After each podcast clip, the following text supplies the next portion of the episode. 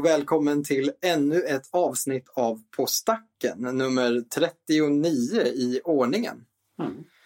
Visst. Och eh, vi sitter ju då igen i pojkrummet på, i Högdalen. Alltså hemma hos mig. Den här gången eh, så är också det ovanligt sent skulle jag säga. Alltså vi har en late night show, du vet så som amerikansk tv. Exakt, den stora skillnaden är att det här alltså inte är livesänt och att vi inte har en eh, uh, miljonpublik. Men uh, utöver det, eh, i princip samma. Vem skulle du säga att du är av de mest kända showhostsen? Vem kan du mest relatera till? Oj, så bra koll har jag ju inte. Men man hoppas väl att man inte är liksom någon av de mest obnoxious. Alltså Jimmy Fallon eller vad heter han som alla gillar att störa sig på. Det kanske, folk kanske bara stör sig på honom för att han är too liberal. Alltså jag skulle nog... saknar Larry King kanske, han, han var lite tvär. Ja, alltså jag är nog uh, Jay Leno tror jag. Jag känner mig mest som Jay Leno. För att, Han känns lite wild and crazy. Jag vet inte, något sånt. Alltså ett, uh, ett wildcard. just det. Exakt, ja, ingen av oss är några opera i alla fall. Nej, nej det, det är nog helt sant. Eh, det skulle vara gött. Då skulle man kunna sluta jobba i alla fall. Exakt. Det kan man nog om man är vilken som helst av dem. Det känns som att det är helt okej betalda jobb. En av, eh, en av många bra sketcher som The Onion gjorde på Youtube när de hade mycket mer budget. Eh, du vet att de hade en Mm. golden age när de gjorde Youtube-klipp. Är att de hade en sketch om att, eller en nyhet då, om att Oprah hade en tävling där eh, fans kunde vinna äran att få begravas bredvid henne i hennes pyramid-sarkofag när hon dör. Jävlar. Och det känns... Och så visste de ju koncept art hur det skulle se ut liksom. Ja, men precis. Förut i USA var det de här presidenterna som fick de här sjuka monumenten efteråt. Men nu kommer det ju vara de här show... Vet du? Exakt, Ja, exakt. herregud. Ja, mycket bra. Yes, ja, men eh, på gång i våra Magic-liv. Vi eh, har båda spelat mer pappers-Magic på senaste tiden, skulle jag säga. I alla fall, jag kan definitivt claima det. Eh, Ja, me- mest du tror jag. Men, eh, men jag har inte legat så långt efter allting. nej, men jag har lyckats ta mig iväg till min nu då lokala spelbutik, Alfaspel. Eh, och köra Legacy tre gånger och modden en gång. Ja. Eh, under senaste månaden. Så typ en gång i veckan har jag lyckats komma iväg, vilket Ja. känns som en succé. Verkligen. Verkligen. Och sen har jag även eh, åkt hem och spelat modden en gång, då i Eskilstuna. Just det. Ja, men du har absolut spelat mer. Men eh, ja, hur känns det vara tillbaka typ på, på vägen mot Pro Touren? Alltså jag har ju kommit tillbaka i någon slags extrem mediokricitet, alltså den perfekta mediokriciteten nämligen. Jag är eh, perfekt 2-2 på alla de här eventen. Jag har gått, vunnit två och förlorat två varje gång. Ehm, så jag antar att det, det är någon slags, det är skönt att se att man fortfarande kan vinna. Mhm. Eh, men jag märker också att jag spelar väldigt långsamt och jag spelar fel ganska mycket mer än vad jag är bekväm med. Eh, och det är på ett sätt skönt att man ser vart man spelar fel, för då känns det som att det finns mycket utvecklingspotential. Men också frustrerande förstås att hela tiden gå 2-2 eftersom nästan alla turneringar belönar den när man har en positiv eh, win, eh, win eh, record. Rimligtvis. Och eh, ja, nej men det, det är som det är. Alltså det är svårt att spela Magic fan. Det är väl det som är mitt konstaterande. Även hemma i Eskilstuna gick jag egentligen 2-2. Men jag, alltså så här, jag vann bara två matcher på riktigt. Jag fick också en baj i andra rundan. Så jag förlorade första matchen. Mm. Mot, eh, då spelade jag en slags blå-röd eh, kontrolle kanske man kan kalla det. Något sånt. Blå-röd eh, Graveyard Control med eh, Dreadhorde Arcanist. Det är ett meme. Den maxar. Den spelar så många eh, legacy-bannade kort som Ja, är legala i modden som möjligt. Just det. Och det är inte ett jättepotent meme. Nej. Vilket väl är varför de här korten inte är bannade i modden helt enkelt. Ehm, så du spelar Dread of Arcanist, Expressive Iteration, Ragavan, eh, Underworld Breach och sen ett paket runt det. Liksom. Ja. Eh, det känns inte bättre än typ en Murktide-lek. Eh, så, så ja, det är väl det jag skulle säga var i alla fall att jag vann eh, inte första rundan. Jag förlorade den mot Raktos Scam. Mm. Jag blev riktigt ägd av Bowmasters varje match. Mm. Bara döda Ragavan, gör att alla dina cantrips suger. Det är ganska hårt. Och eh, fick baj i runda två. Och sen vann jag två matcher mot Tron efter det. Ja. Eh, så jag vann ju bara två matcher på riktigt. Och förlorade också första matchen i toppdelen. Ja.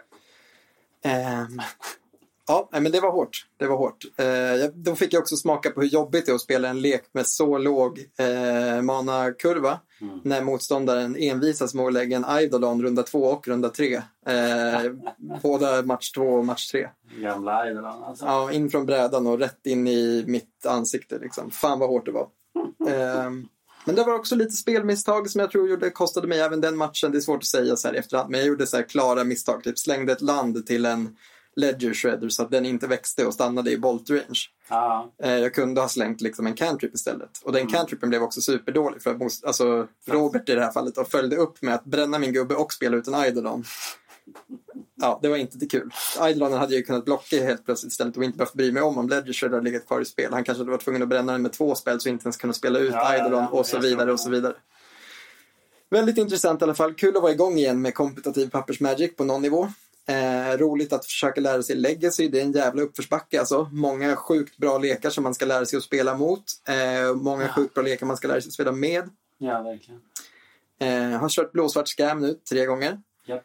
Eh, I morgon tänkte jag testa Storm och se om jag kan överraska några av de spelarna som har identifierat mig som en blåsvart scam-spelare och se om de håller helt fel händer och så kan man försöka, försöka snika in någon vinst. Mm, nej men exakt. Nej men jag är imponerad över att du är konsekvent. Men det är väl så man måste jobba som småbarnsfar kanske.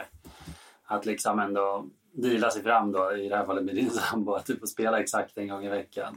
Ja men precis, det är nog en nivå som är acceptabel och för mig så känns det också tillräckligt på något sätt. Jag hade gärna köpt modden på måndagar och legacy på torsdagar men där någonstans börjar det bli ett problem. Och framförallt om man ska Ja. och spela in en podd också Och och, åka hem och ja. spela i- event på helgerna ibland. Ja, Så ja, nej, men det, det är också skitkul. Vi har precis bokat in en sån här eh, RCQ, eller faktiskt två på en dag i Eskilstuna den 25 november. Det ska bli superkul.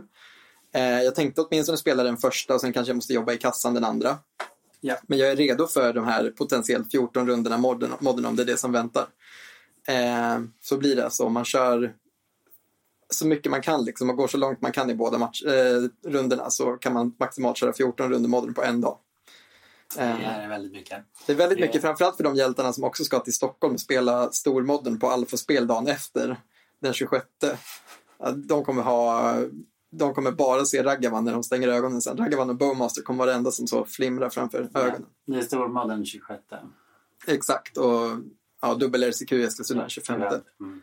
Nej, nej men det, det har varit kul och jag kan väl bara konstatera att eh, ja, jag behöver bygga en bättre modernlek. För det hjälper inte att ha en, alltså om man både är lite ringrostig så hjälper det inte också att ha en lek som inte är helt eh, optimal. Eh, och då, jag tror att jag hittade leken också. Det var lite Mm. roligt. Nu efter en eh, ja, GP-ish då, en, eh, någon form av större märkevent ute i Europa Ja. officiellt. Så fick vi lite listor för lekar som gick topp 32 häromdagen. Och en av listorna var Andrea Mengucci som är en av de kanske mest här, kända blå-röd eh, ja, modern-spelarna som spelar Isset-varianter. Eh, han har spelat jätte, jättemycket Murktide. Ja. Han har byggt en annan sån Murkless Murktide-lek som man kallar dem så. ibland. Ja, så precis som Eh. du redan spelade då. Exakt, men då behöver jag bara skaffa fyra sådana här questing eh, druid. Okej. Eh, som är, är liksom ett nytt eh, sätt att spela. Leken kallas för Is it Adventures eller eh, ja, tekniskt sett är den ju grön också så den heter väl, vad blir det då? Eh, Temer. Temur Adventures, exakt. Ja, eller Eh. Och det, ja, grejen, du kör eh, Brazen Borrower och den här Questing Druid. Eh, som dina liksom adventure-kort då. Eh, men men ja, det ser bara sweet ut. Du, du har eh, Questing Druid för late game och så kör du Tarmogoyf i main. Jävlar. Det är fint att få ha ett par goifar i sin main deck. Ja, På tal om den här dåliga burn matchupen, det hade inte varit helt fel att drämma ner en eh, 4-5 runda två. Nej, verkligen inte. Verkligen inte.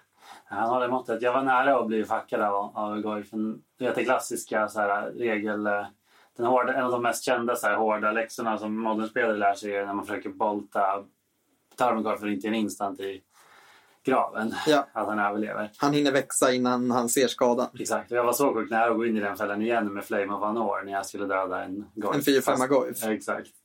Ja, men som tur är så, hade, så var det inte quite up. Alltså det var så få kort i graven så jag kunde inte räkna. Du vet. Jag är klart det räcker. Så vad man gör. Och det räckte, men det var så jävla nära för motståndaren bara började räkna och bara "Aj, jag följde för goif-trick och jag bara nej. liksom, I'm too old for this. Ja, herregud. Men som tur är dog den. Ja.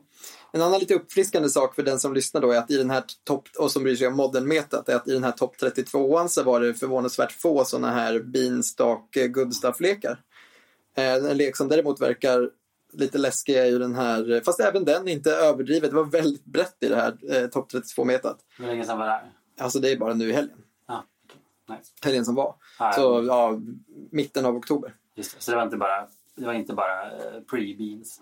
Nej, nej, exakt. Nej, men eh, det, det, man, det var många som reggade beans eh, av olika slag. Men det var väldigt få beans som tog sig hela vägen. Dels för att folk var beredda på det antagligen. Eh, men också för att den här Yawgmoth-listan har blivit väldigt bra av Agatha Agatha Ja. Soul Cauldron. Alltså det är bara ett superhus i den leken. Både Ja. ta och kopierar eh, Yawgmoths abilities, du har Ja, massa ja, incidental plus-counters, dina Ja, grist, grist, alltså grist och Agatha Soul Cauldron Ja. är en så himla rolig och oväntad grej. Bara, helt plötsligt har du loyalty counts på dina creatures. Ja, det är riktigt dumt. Det är riktigt dumt och riktigt fint. Det är också roligt att Yawgmoth har den här random proliferate abilityn som sällan används. Tänker Ja. Eller liksom inte det som Yawgmoth är där för, men att den också kan proliferata upp loyalty counters så att det tekniskt sett kan börja minusa. Och eller bara börja slå ihjäl folk med en massa, massa manadorks.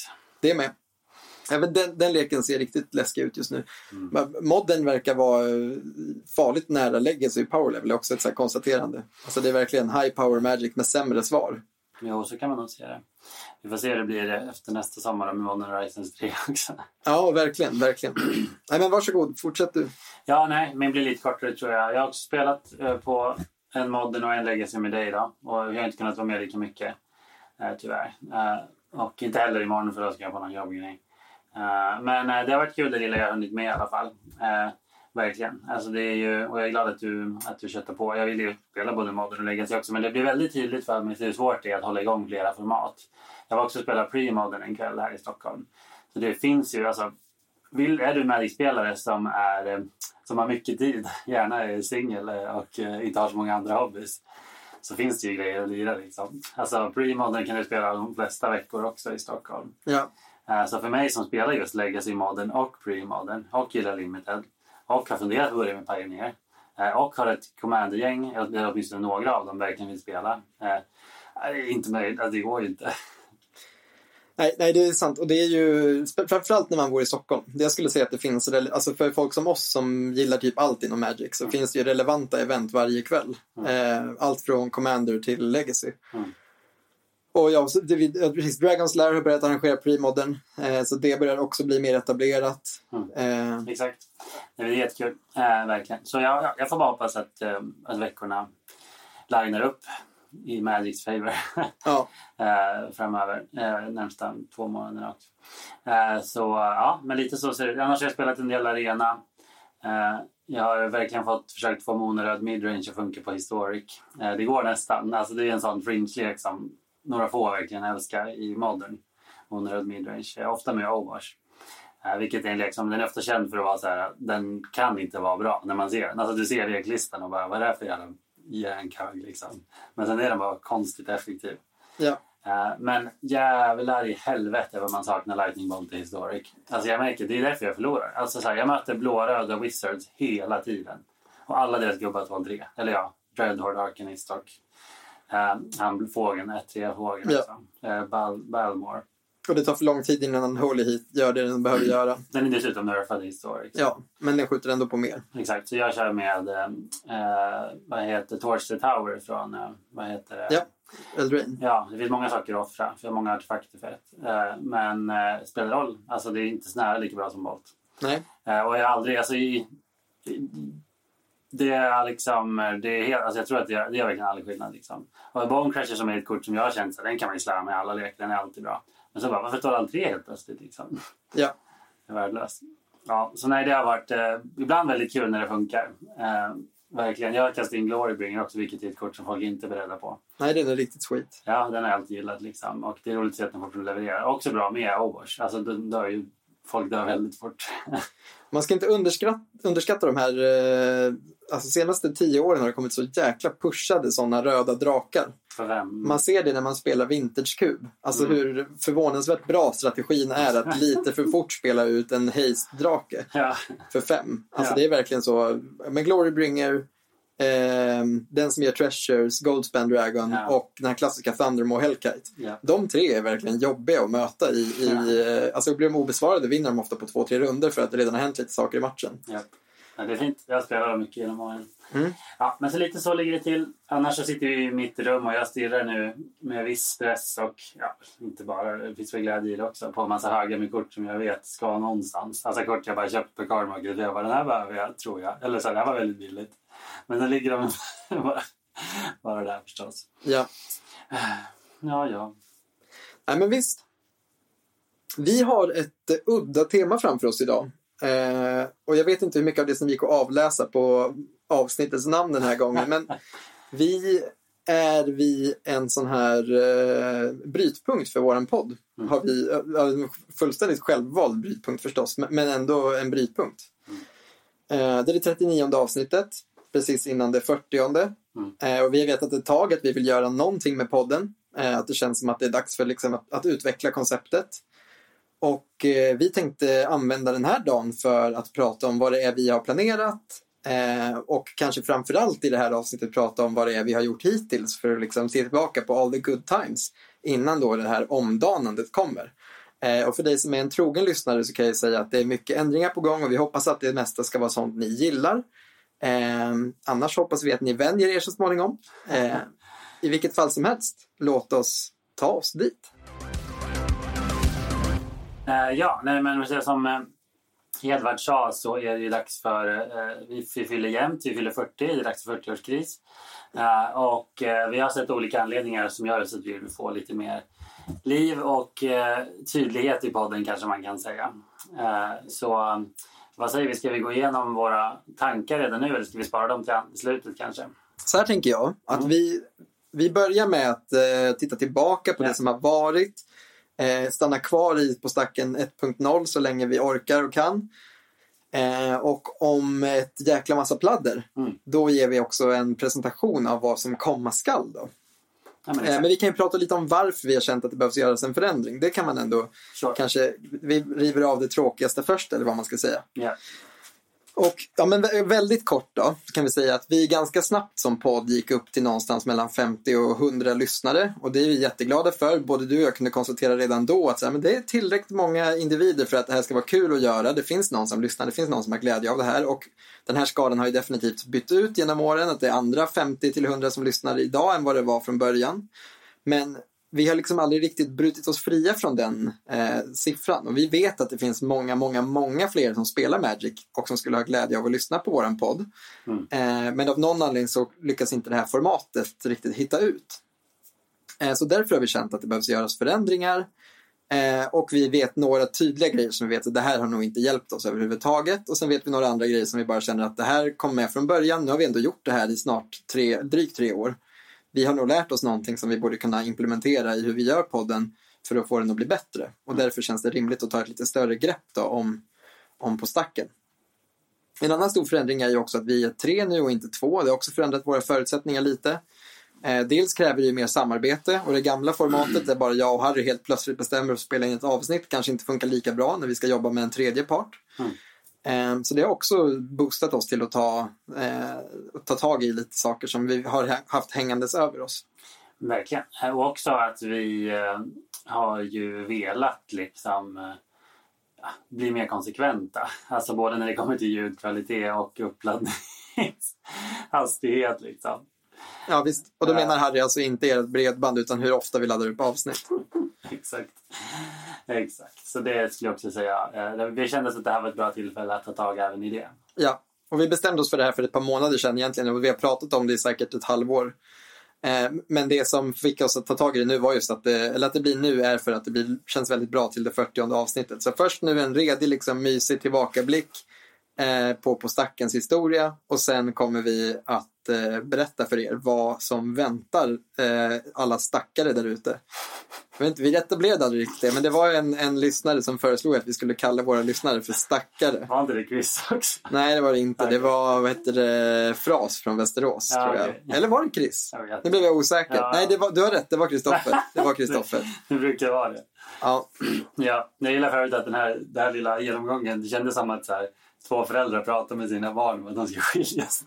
Det var den stämden. Jag vet inte varför jag fick den, den feelingen. Men det är inte alls så, det är tvärtom. Ska, det är två föräldrar som ska steppa upp. Det är två föräldrar som har samtal med sina barn om att det har inte funkat så bra. Vi har inte fokuserat på rätt saker, men nu är det, nu är det dags. Exakt, precis. Därför måste du börja med hockey eh, och fiol. Ja.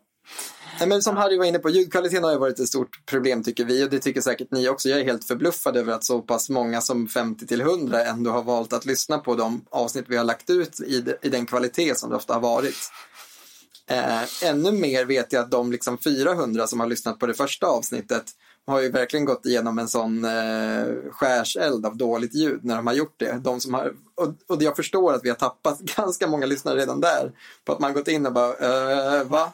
Varför ska jag lyssna på det här? Det är inspelat med en mobil. Eller en potatis. Eller en potatis, eller en mobil i en potatis. Det är något som inte funkar och sen har man stängt av. Exakt. Det vill vi lite komma bort från. Ehm, och sen det här med att avsnitten kommer ut väldigt sporadiskt. Vi har liksom haft månadslånga uppehåll ibland. Ibland släpper vi två avsnitt på två veckor. Alltså det har verkligen varit kaos på den fronten. Och det är också en sak som inte kanske hjälper oss att få väcka liksom intresse hos nya personer. För man bara, men det där var kul. Och så kommer inte ett nytt avsnitt på sex veckor. Då har man glömt bort att vi ens fanns. Ehm, och som sagt, arbetsprocessen känns också som att den blir mycket lättare om man har ett, en tydlig idé om det. Ja, ja, men nej, vi kanske är noga med corporate uh, behind the scenes uh, snack, eller? Uh, Ja, men det är det absolut. Ja, precis. Vi, ska, vi, vi kan gå igenom lite mer på vad, vad vi tror uh, väntar på horisonten då. Men ja, precis som du sa, det är bara att slå sig ner framför projektorn liksom och värma sig lite te och ta sig tillbaks en liten memory lane då på de här, ja, hur lång tid är det nu podden funnits? Ja, det är tre år kan man säga. Det är lite drygt, men ja. Ja, de här 39 avsnitten och tre åren då. ja Visst. visst. Grymt, grymt. Men då så.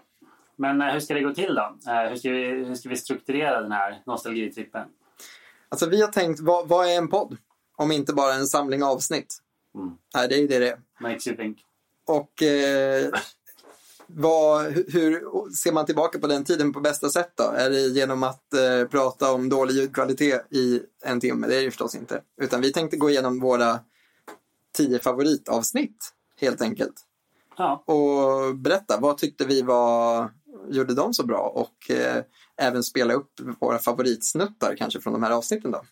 Exakt. Så att dagens tema blir eh, som vanligt inte en topp 10-lista utan en 10-lista. En tio-lista av På stacken. exakt, och det är det som är temat eh, för avsnittet helt enkelt. Så Ja. ja, vi, eh, ja, vi kör igång. Exakt. eh, Och ja, så tio avsnitt som jag skulle inte om jag vågar kalla dem favoritavsnitt. Det känns för jobbigt. Jag skulle nog kalla minnesvärda avsnitt. Okej. Ja, det var så jag tänkte när jag valde ut mina fem. För det är också det vi har valt att göra, att vi har valt ut fem var, eller hur? Ja, men precis. Det kändes som det lättaste istället för att ha någon slags jättelång diskussion om nej, det där avsnittet är inte alls bra. Det var ju det här som hände i det. Utan vi har valt våra egna favoriter av topp fem. Och det blir en tio-lista. Jag hade varit fem favoritavsnitt och mina fem mest minnesvärda. Alltså jag vågar nog ändå säga att det här är någon slags favoritavsnitt, absolut. Eh, och jag, jag tänker att jag kan, jag kan börja. Ja, men visst. Eh, och mitt, eh, liksom det första kronologiskt då för mig som var favorit, för jag, jag har mina i, i ordning och du har dem i en annan ordning. Ja, jag kan Skitsamma. ta dem i kronologiskt. Ja, vad fint. Är eh, avsnitt fem, kommer upp först där. Digital Magic. Just det. Och det skulle man kunna säga var ett av våra första, eh, det var, det var verkligen en riktigt, det var kanske ett av våra mest väl researchade avsnitt någonsin ärligt talat. Det var åtminstone ett av dem, definitivt ett av dem. Eh, och eh, vi fångade upp en del Magic Trivia som jag tror att varken någon av oss och garanterat många av er aldrig hade tagit del av förut. Så har man aldrig lyssnat på avsnitt 5 så kan jag väl säga att ljudet är inte så anskrämligt och innehållet är helt fantastiskt. Det är verkligen en otrolig resa tillbaka i en del av Magics historia som många inte känner till. Just det, jo, men jag kommer ihåg det ganska väl. Det var ju där när vi inte pratade Magic Online och inte om Arena. Utan om alla andra. Jag tror vi pratar lite om Magic Online men definitivt inte om Arena. Så var det nog. Ja. Men åtminstone så var fokus på digital Magic som kanske de flesta inte har spelat och tagit del av. Exakt. Eller kanske ens känner till som du har i något exempel. Ja men precis, jag ska säga här, det var flera av dem som vi inte ens kände till. Och det var, ja, vi, vi, jag har lyssnat lite på avsnittet för att göra research och Ja, det var ju bland annat ett arkadspel som bara gjordes i fyra, alltså fyra exemplar i hela världen innan företaget som gjorde spelet gick i konkurs och aldrig gjorde några fler. Så det finns ute i världen fyra stycken. Liksom. De måste vara värdefulla. Eh, arkad, det arkadspelet hette också Armageddon tror jag, vilket också är väldigt lustigt. Eh, Ja, det är konstigt. Folk tänker mest på Worms nu Armageddon. Ja, inte på Magics enda arkad. Man tänker kanske på Magics kort och Armageddon, men ja. Det är inte helt omöjligt. Eh, så ja, det här avsnittet gick alltså igenom all digital Magic förutom MTG Arena. Ja. Eh, och vi började med Chandelar och hela vägen fram till ja, men mycket senare grejer. Typ, eh, vad heter den eh, som var på Xbox? Battleground. Battlegrounds, exakt. Eh, Jag vet. Ja, det är så vi ska inte bara repetera det vi sa i det avsnittet, men det är ju verkligen konstigt. Det är alltså ett fighting-spel typ, fast med Magic. Så istället för att slåss så åkallar du creatures och spells. ja, Det är just det här upplägget att du står på varsin sida, du börjar på varsin sida av skärmen och stirrar på varandra som är ett fighting-spel. Liksom. ja, Jag, bara fick en, jag kom att tänka på det faktiskt bara för några veckor sedan och då mindes jag hur kast det var att spela multicolored. För att de löste, precis som i vanlig Magic så finns det ju drawbacks till att vara multicolored. Alltså i, i vanlig Magic är det att du måste ha, tänka efter med manabasen. ja. Eh, Men jag minns att i Battleground så var det så att manan som genererades gick hälften så fort när det var multicolored. Så det var en otroligt stor drawback. Åh, Du fick liksom en röd mana, om det var rödgrön till exempel, så fick du en röd och sen en grön och sen en röd och sen en grön. Och om du ville spela ett rött tvådrag liksom, så behövde du ha två röda. Så det var, det var otroligt dåligt. Det var inte det som var tanken helt enkelt. Nej, tanken och tanken de, de gav, ju, gav ju oss möjligheten. Så, Ja, så det var ju på ett sätt och vis tanken. Men ja. Men jag tänker att vi ska spela upp det här klippet och så ja, tar vi det därifrån. Japp, japp. Och sen så gjorde de ett uh, Magic-spel till Dreamcast, Sega Dreamcast. Det släpptes bara i Japan. Eh, vi hittade inte jättemycket info om det heller. Jag tyckte det var roligt när de beskrev vad det handlar om. Det står så här. It takes place in the town of Magic Heart. The surrounding areas, the surrounding areas of Murg, Kamat Island, Lidar Forest, Yeluk, Tornel and the Balance Tower. Lägg märke till att ingen av de här sakerna har med Magic att göra. Jag känner inte igen någonting. Rätta som jag har fel, men det här låter som sju helt orelaterade platser. Så de har ju antagligen skapat liksom en helt ny värld och inte använt det enda som Magic har att erbjuda till en liksom gay, alltså datorspelsadaptation. Exakt, tänk om man skulle hoppa in i Magic och man började med det här och man bara ah, it takes place in Magic Heart. Därför spelet heter Magic the Gathering. Ja. Ja, som ni hör så har Magics eh, datorspelshistoria varit ganska vild. Tydligen. Tydligen. Ja, det var en riktig... eh, Det var, det var överraskande, det får man ju lugnt säga. Eh, när, vi, när, vi, när vi lärde oss om det där. Ja, fy fan. Ja, nej, jag... Oklart om det går att få tag på de här grejerna. Förmodligen inte. Jag tror att det är väldigt svårt och Ja. ja, om någon gör det så är det ju bara att sätta igång en Pirate Bay-fil direkt liksom. För det här är ju något som folket kräver uppenbarligen. Mm, verkligen. Jag minns, jag minns inte hur mycket pratade i det avsnittet om alltså, Duel of the Planeswalkers. Jo, men det gjorde vi säkert. På Xbox. Alltså, Jo, som- det gjorde vi. Ja, ja men det... Det var väl ett av de första, liksom, efter Chandelar, ett av de mer uppstyrda försöken att få spela Magic på liksom, dator. Mm. Det, det påminner ju om Arena ändå. Eh, men det var inte, jag sa Xbox, men det var därför att jag spelade det. Men det fanns på många ställen. Ja, det var en neddummad version av Magic. Ja, det var det. Det fanns inte ens non-basics tror jag. Nej. Eller instans kanske. Kanske instans. Jo, kontringar fanns, men det var. Äh, Fast som. Portal kan man säga. Fast digitalt. Och nytt. Ja, ja, ja. och inte så bra. Eh, nej. Nej. Men det som var kul i det var att det fanns nice pussel, kommer jag ihåg. Just. Alltså det fanns riktigt nice inbyggda pussel där man skulle försöka lösa typ ett board state med en tillgänglig hand. Det var en bra, ett bra sätt att göra Magic roligt på. Men inte själva Magic-spelandet var inte särskilt kul. Bara för någon som verkligen saknade sin playgroup jättemycket. Exakt. Undrar om det fanns eh, eh, microtransactions, att du kunde köpa boosters i spelet. Och om det fanns det så tycker jag synd om de som investerade. Jo, man hade den bästa samlingen av alla i Kunde inte ens spela mot andra Duel of Planeswalkers. Nej, precis. Nej, men eh, ja, det här avsnittet är packat med sjuk Magic Trivia.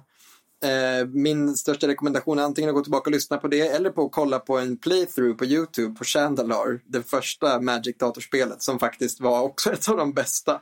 Vilket är väldigt roligt att det som gjordes liksom först, alltså för helt absurt länge sedan, råkar också vara det som funkar typ bäst. Jag tror det gjordes så här i sent 90-tal. Ja, jo. Det stämmer nog. Verkligen. Nej, men den har man ju, den har man ju hört talas om. 100 procent. Ja. Nej, men vi tackar för det.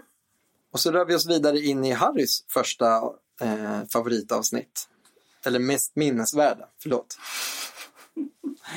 Tack. Eh, Jag har faktiskt inte valt eh, något avsnitt som är fullt så gammalt som det du valde. Eh, Utan det äldsta avsnittet som eh, jag har valt är så pass nytt som nummer eh, 18. Eh, Och det är avsnittet när vi snackar om färgen vitt. Just det. Och varför jag minns det här väl är för att först och främst att det var vad heter det, början på en, ja, en följetong då. Att vi går igenom alla, alla Magics färger. Då. Eh, och jag minns själv hur roligt det var att verkligen sätta sig och, och, och tänka på sånt som liksom alltid funnits där och, och liksom att uppskatta det eleganta i, eh, i, i liksom speldesignen och det geniala såklart i konceptet med fem färger, alltså som Magic alltid haft och som varit en sån styrka. Eh, och liksom, ja men jag, min, jag, jag, när jag lyssnade igenom avsnittet, eh, inte kanske för hela men nästan eh, idag så, så blev det just att så här, ja, men vi båda hade, hade så väldigt lätt att vad heter det, se de här sambanden liksom, eh, och de här mönstren som faktiskt finns. Då. Vi hade såklart researchat lite grann men som vana trogen inte överdrivet mycket. Eh, men en aning liksom. Eh, och, då menar jag allt ifrån liksom, estetiken till det spelmekaniska och flavorn liksom. Så jo, men det, det minns jag det, det minns jag väl och jag har haft väldigt kul på alla de avsnitten om olika färger. Precis. Eh, och, eh, och korttyper också som har varit en följetong som vi, som vi nyss hade ett, ett nytt tillskott till. Vi kommer säkert göra fler där också. Det tror jag. Eh, men ja, men exakt. Jag minns att vi pratade lite typ om det här med att vitt är ju tyvärr den minst vi var ganska överens om att det är den minst populära färgen och att det är en färg som dessutom, men som, och kanske just för att den anses lite torr och lite tråkig. Typ som att välja vanilj när man köper glass liksom. Fan vad gott det är dock. Ja, jo men vitt är ju nice också liksom. Så det... Eller jag minns också att jag sa att det var som att välja human i WoW men eh, du också rättade mig att det är extremt populärt att göra idag så det stämde inte. Ja, men visst. Men du har helt rätt. Det är också en väldigt gjuten serie att göra i en podd med vårat, liksom, där man ska prata om allt möjligt om Magic. Då blir det väldigt naturligt att börja falla tillbaka på de här grund, stora grejerna som ja, men korttyper och färger. Mm. Eh, men, men det är ju också intressant hur, hur svårt det är att klämma in allting man vill säga om till exempel en färg i ett poddavsnitt. Eh, alltså att prata om vitt i, i en timme var så himla otillfredsställande. Det kommer också vara lite som en överraskning. Alltså hur, hur svårt det var att klämma in det viktigaste på något sätt. Förstår du vad jag menar? Absolut. Eh, men det, det var ett toppen, verkligen, jag håller med. Det var en början på en toppen eh, följetong då. Som fortfarande inte är avslutad. Vi har fortfarande svart kvar, eller hur? Ja. Ja, jag tror det. Ja, det så i Sverige. Och sen kollades. Fast det är inte en färg. Eh, Så det är Nej. Eh, Men så är det. Så är det verkligen. Något annat som måste nämnas om avsnittet är att det är bra ljud för vi är på ditt jobb som då var din praktik. Ja, Eh, Och det var snöstorm där utanför. Eh, det passar också bra. Det var vitt, hela, hela Ja. Stockholm var vitt.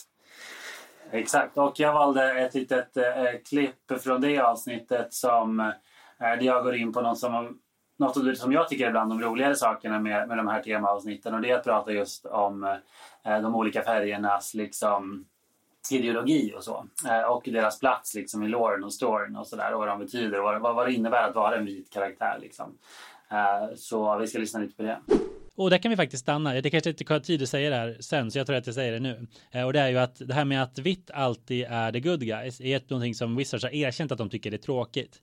För de vill inte att det ska vara så. Alltså att filosofierna är de onda och de goda. Eh, Maro tycker det är jätteviktigt att påminna om att det finns svarta karaktärer som är likable och det finns vita karaktärer som är hemska. Och ett exempel är ju faktiskt Heliod. Han är ju skurken i Theros-blocket. Så då ser vi alltså Elspeth som är en vit hjälte mot en vit skurk som är Heliod. För vad Heliod gör, han är ju en patriark som absolut vill ha ordning och reda. Men han är ju rakt igenom, han har absolut ingen moral. Eh, liksom, lite som Zeus själv kanske, alltså som förebilden. Ja, visst. Att han, han ser makt och ja, Människorna balans. ska bara preacha skiten ur honom, annars kan Ja. de fan dö. Liksom. ja men lite så. Ja, men exakt. Eh, Precis. Det tycker jag verkligen är så här, någonting som är roligt att, eh, att prata om. Just att ha ett sånt här temaavsnitt för att gå in på det. Eh, för det är ju någonting som de faktiskt jobbar med eh, behind the scenes och som de flesta inte tänker på och bryr sig om. Eh, men som de faktiskt gör. För att de vill inte att det ska vara så enkelt. Alltså som jag sa att vitt är goda killarna och eh, svart är de onda. Eh, onda liksom. eh, och det är någonting jag uppskattar eh, med Magic. Liksom. Jag är ju Och det säger vi även i det här temaavsnittet att så vi kanske borde göra mer om lår. vi kanske borde göra mer om, för det verkar folk gilla och det stämmer faktiskt att folk har sagt åtminstone några få tillfällen liksom, eh, att, eh, att det är något som uppskattas när det kommer fram. Liksom. Alltså story och lore och sådär. Och det är ett bra tillfälle att ta det i de här temaavsnitten.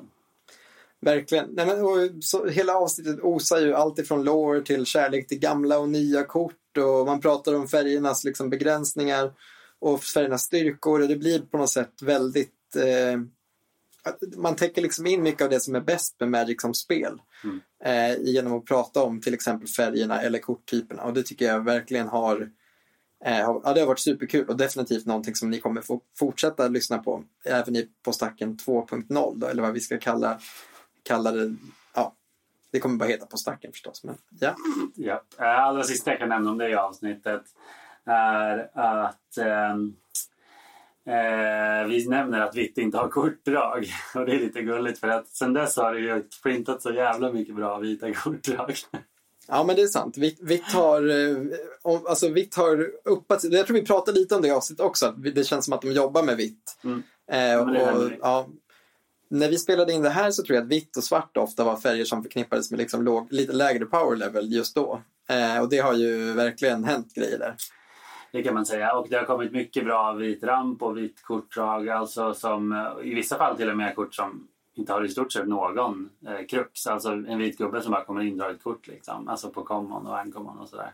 Ja, verkligen. Så det finns ju. En annan sak som jag bara måste nämna är att när vi, när vi pratar om så här karaktärer som liksom har olika, så som är, vilken färg en känd karaktär skulle kunna vara. Eh, Den frågan har ju blivit mer aktuell nu med Universes Beyond och vi nämner specifikt att Captain America och Superman är monvita, alltså rent ideologiskt. Och nu får vi tydligen veta det för att nu kommer jävla Marvel Crossover om två år. Ja, visst. Jag vet Ja. inte varför du låter så upprörd. Det är Ja, väl för- den för- mest väntade crossovern, eller? Ja, men det gick så fort och det är så, alltså det är så stort och eh, det är redan mitt i Fallout Previews och Doctor Who har precis släppts. Ja, jag blir lite, jag blir lite snurrig bara. Ja. Det är väldigt stort. Men det är klart det kommer bli kul. Eh, Och det Ja, kommer visst. locka in massa folk. Eh, Men ja, då får vi veta eh, vilken färg Spider-Man och Captain America har då. När vi sa det här, då trodde vi naivt att det här var bara ett kul exempel liksom. Det här var lite innan Universe Beyond hade blivit det det är också, får man ju säga. Exakt. Vilket är kul med att gå tillbaka till de gamla avsnitten, för man får också höra oss prata om saker som sen blir verklighet. Det är fantastiskt. Ja, nej men det, den crossovern kommer ju break the bank eh, för många. Eh, Det får man ju säga. Jag tror vi till och med sa det du och jag någon gång off camera, off recording. Att eh, Marvel är väl det enda som skulle kunna vara lika stort som Sagan om ringen typ. Ja, just det. Vi pratade om vad som var störst. Det är roligt. Ja, vi får väl se. Time will tell. Vi får se också om de korten blir modern legala som Lord of the Rings-korten. Hoppas ju inte, men säkert. Ja, inte alls omöjligt.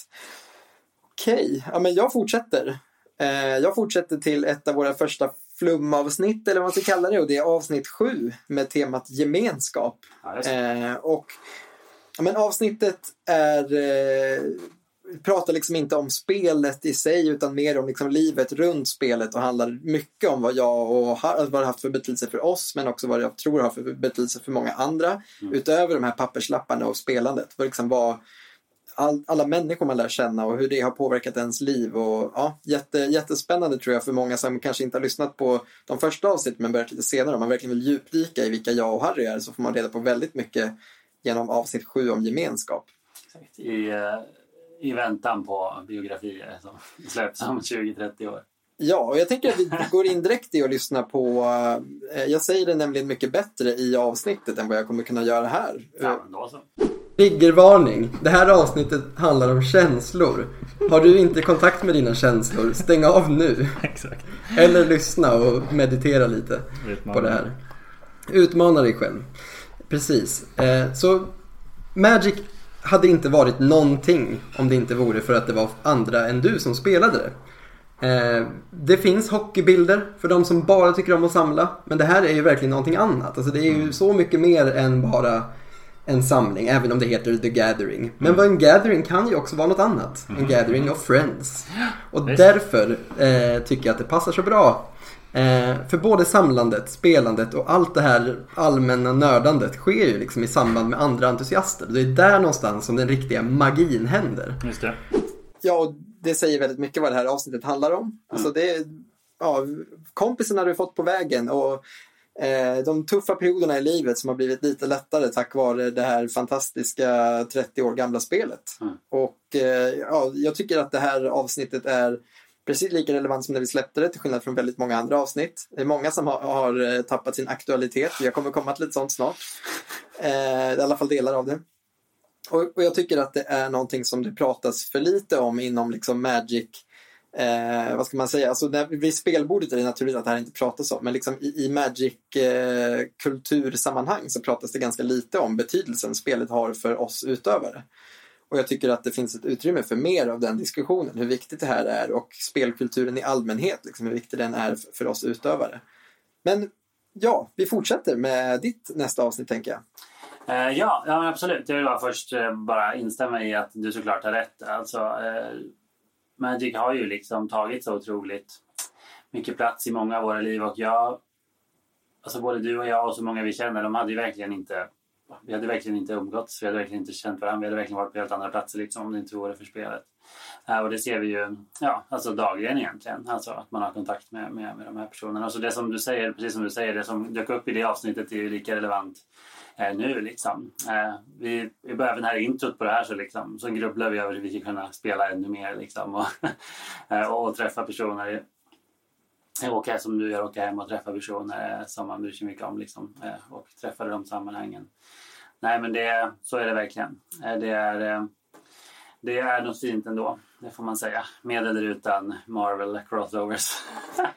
det, är, det är det som gör att jag inte är så orolig för de här olika förändringarna som sker inom spelet. För visst att det händer mycket saker med spelet som man kanske kan oroa sig över så. Mm. Men det som är det fantastiska med spelet som gör att jag inte känner mig så hotad när Wotzy gör dumheter eller när eh, ja, men formaten till exempel blir dyrare att spela och sånt är att den här gemenskapen behöver inte nödvändigtvis såras av det för den är så himla stark och håller ihop någonting på en annan nivå. Kolla bara till exempel på Premodern som är ett format som i princip är helt oberoende av vad Wizards håller på med nu i alla fall. Inte vad Wizards håller på med för länge sedan för det är vad formatet helt handlar om.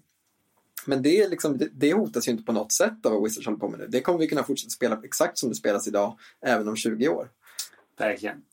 Verkligen. Och eh, om, eh, precis, och om mot förmodan eh, det kommer att ha hänt liksom, Wizard kommer att ha gjort grejer även för att påverka det så är det inget som hindrar communityn från att fortsätta starta sin egen bana liksom, om de verkligen vill. Eh, så så är det ju, eh, 100 procent. Den senaste sån Magic-paniken jag sett, förlåt, jag kan passa på att nämna det. Jag minns det var en period när folk var rädda att pappersmagic skulle läggas ner helt på grund av att Arena gick så bra. Vilket så här? Alltså de tjänar liksom hur mycket pengar som helst på att sälja paperkort liksom. Det är den absolut största delen av, av inkomsterna. Eh, men nu det senaste jag hört i panikväg är att de kommer sluta göra expansioner inom Magics universum. Det kommer bara vara Universals Beyond. Oj. Uh, Hot take. Och det, känns, det, känns, det påminner mig om just det där argumentet om att all paper magic ska försvinna. Liksom. Alltså det är ett sånt otroligt stort hopp. Allt ifrån så här, det är lite mer Universals Beyond än vad jag är bekväm med. Det kan man ju verkligen tycka. Men att det blir bara Universal Beyond nu.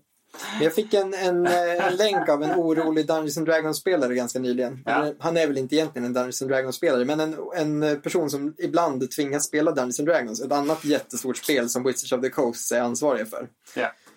Eh, och då var det en stor YouTuber som gick ut och uttalade sig om de förändringar som sker inom Dungeons and Dragons. Och han spelade inte Magic men använde väldigt mycket Magic-referenser för att göra sitt case och pratade om vad Wizards of the Coast gör med Magic och typ vilken oro som finns kopplat till det för att förklara lite vad som händer med, med vet du, Dungeons and Dragons för att det är samma ägare. Mm.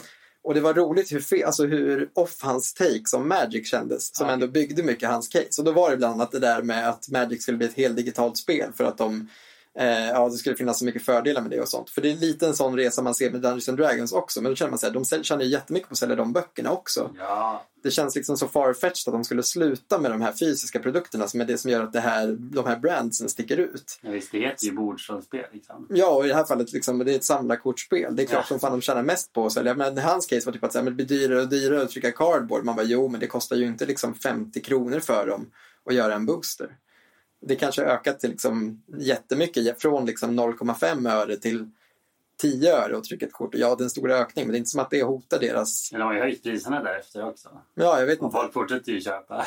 Det var väldigt lustigt. Men han, sen finns det ju liksom oroväckande saker som att typ eh, ja, men Hasbros eh, stock value har ju gått jättedåligt senaste åren. Alltså verkligen jätte, jättekrabbigt. Och det kan ju få en att känna oro över Magic. Men då ska man veta att det är en av de linesen inom Hasbro som går bäst. Så att jag tror om det är någonting man inte behöver vara så orolig för kopplat till det. De kommer försöka kräva mer pengar ur Magic. Men Det är vilket är vad vi ser nu. det är det vi sett de senaste fem åren. Ja. Har det gjort spelet ospelbart? Knappast. Har det gjort spelet väldigt annorlunda? Ja, verkligen. Jo.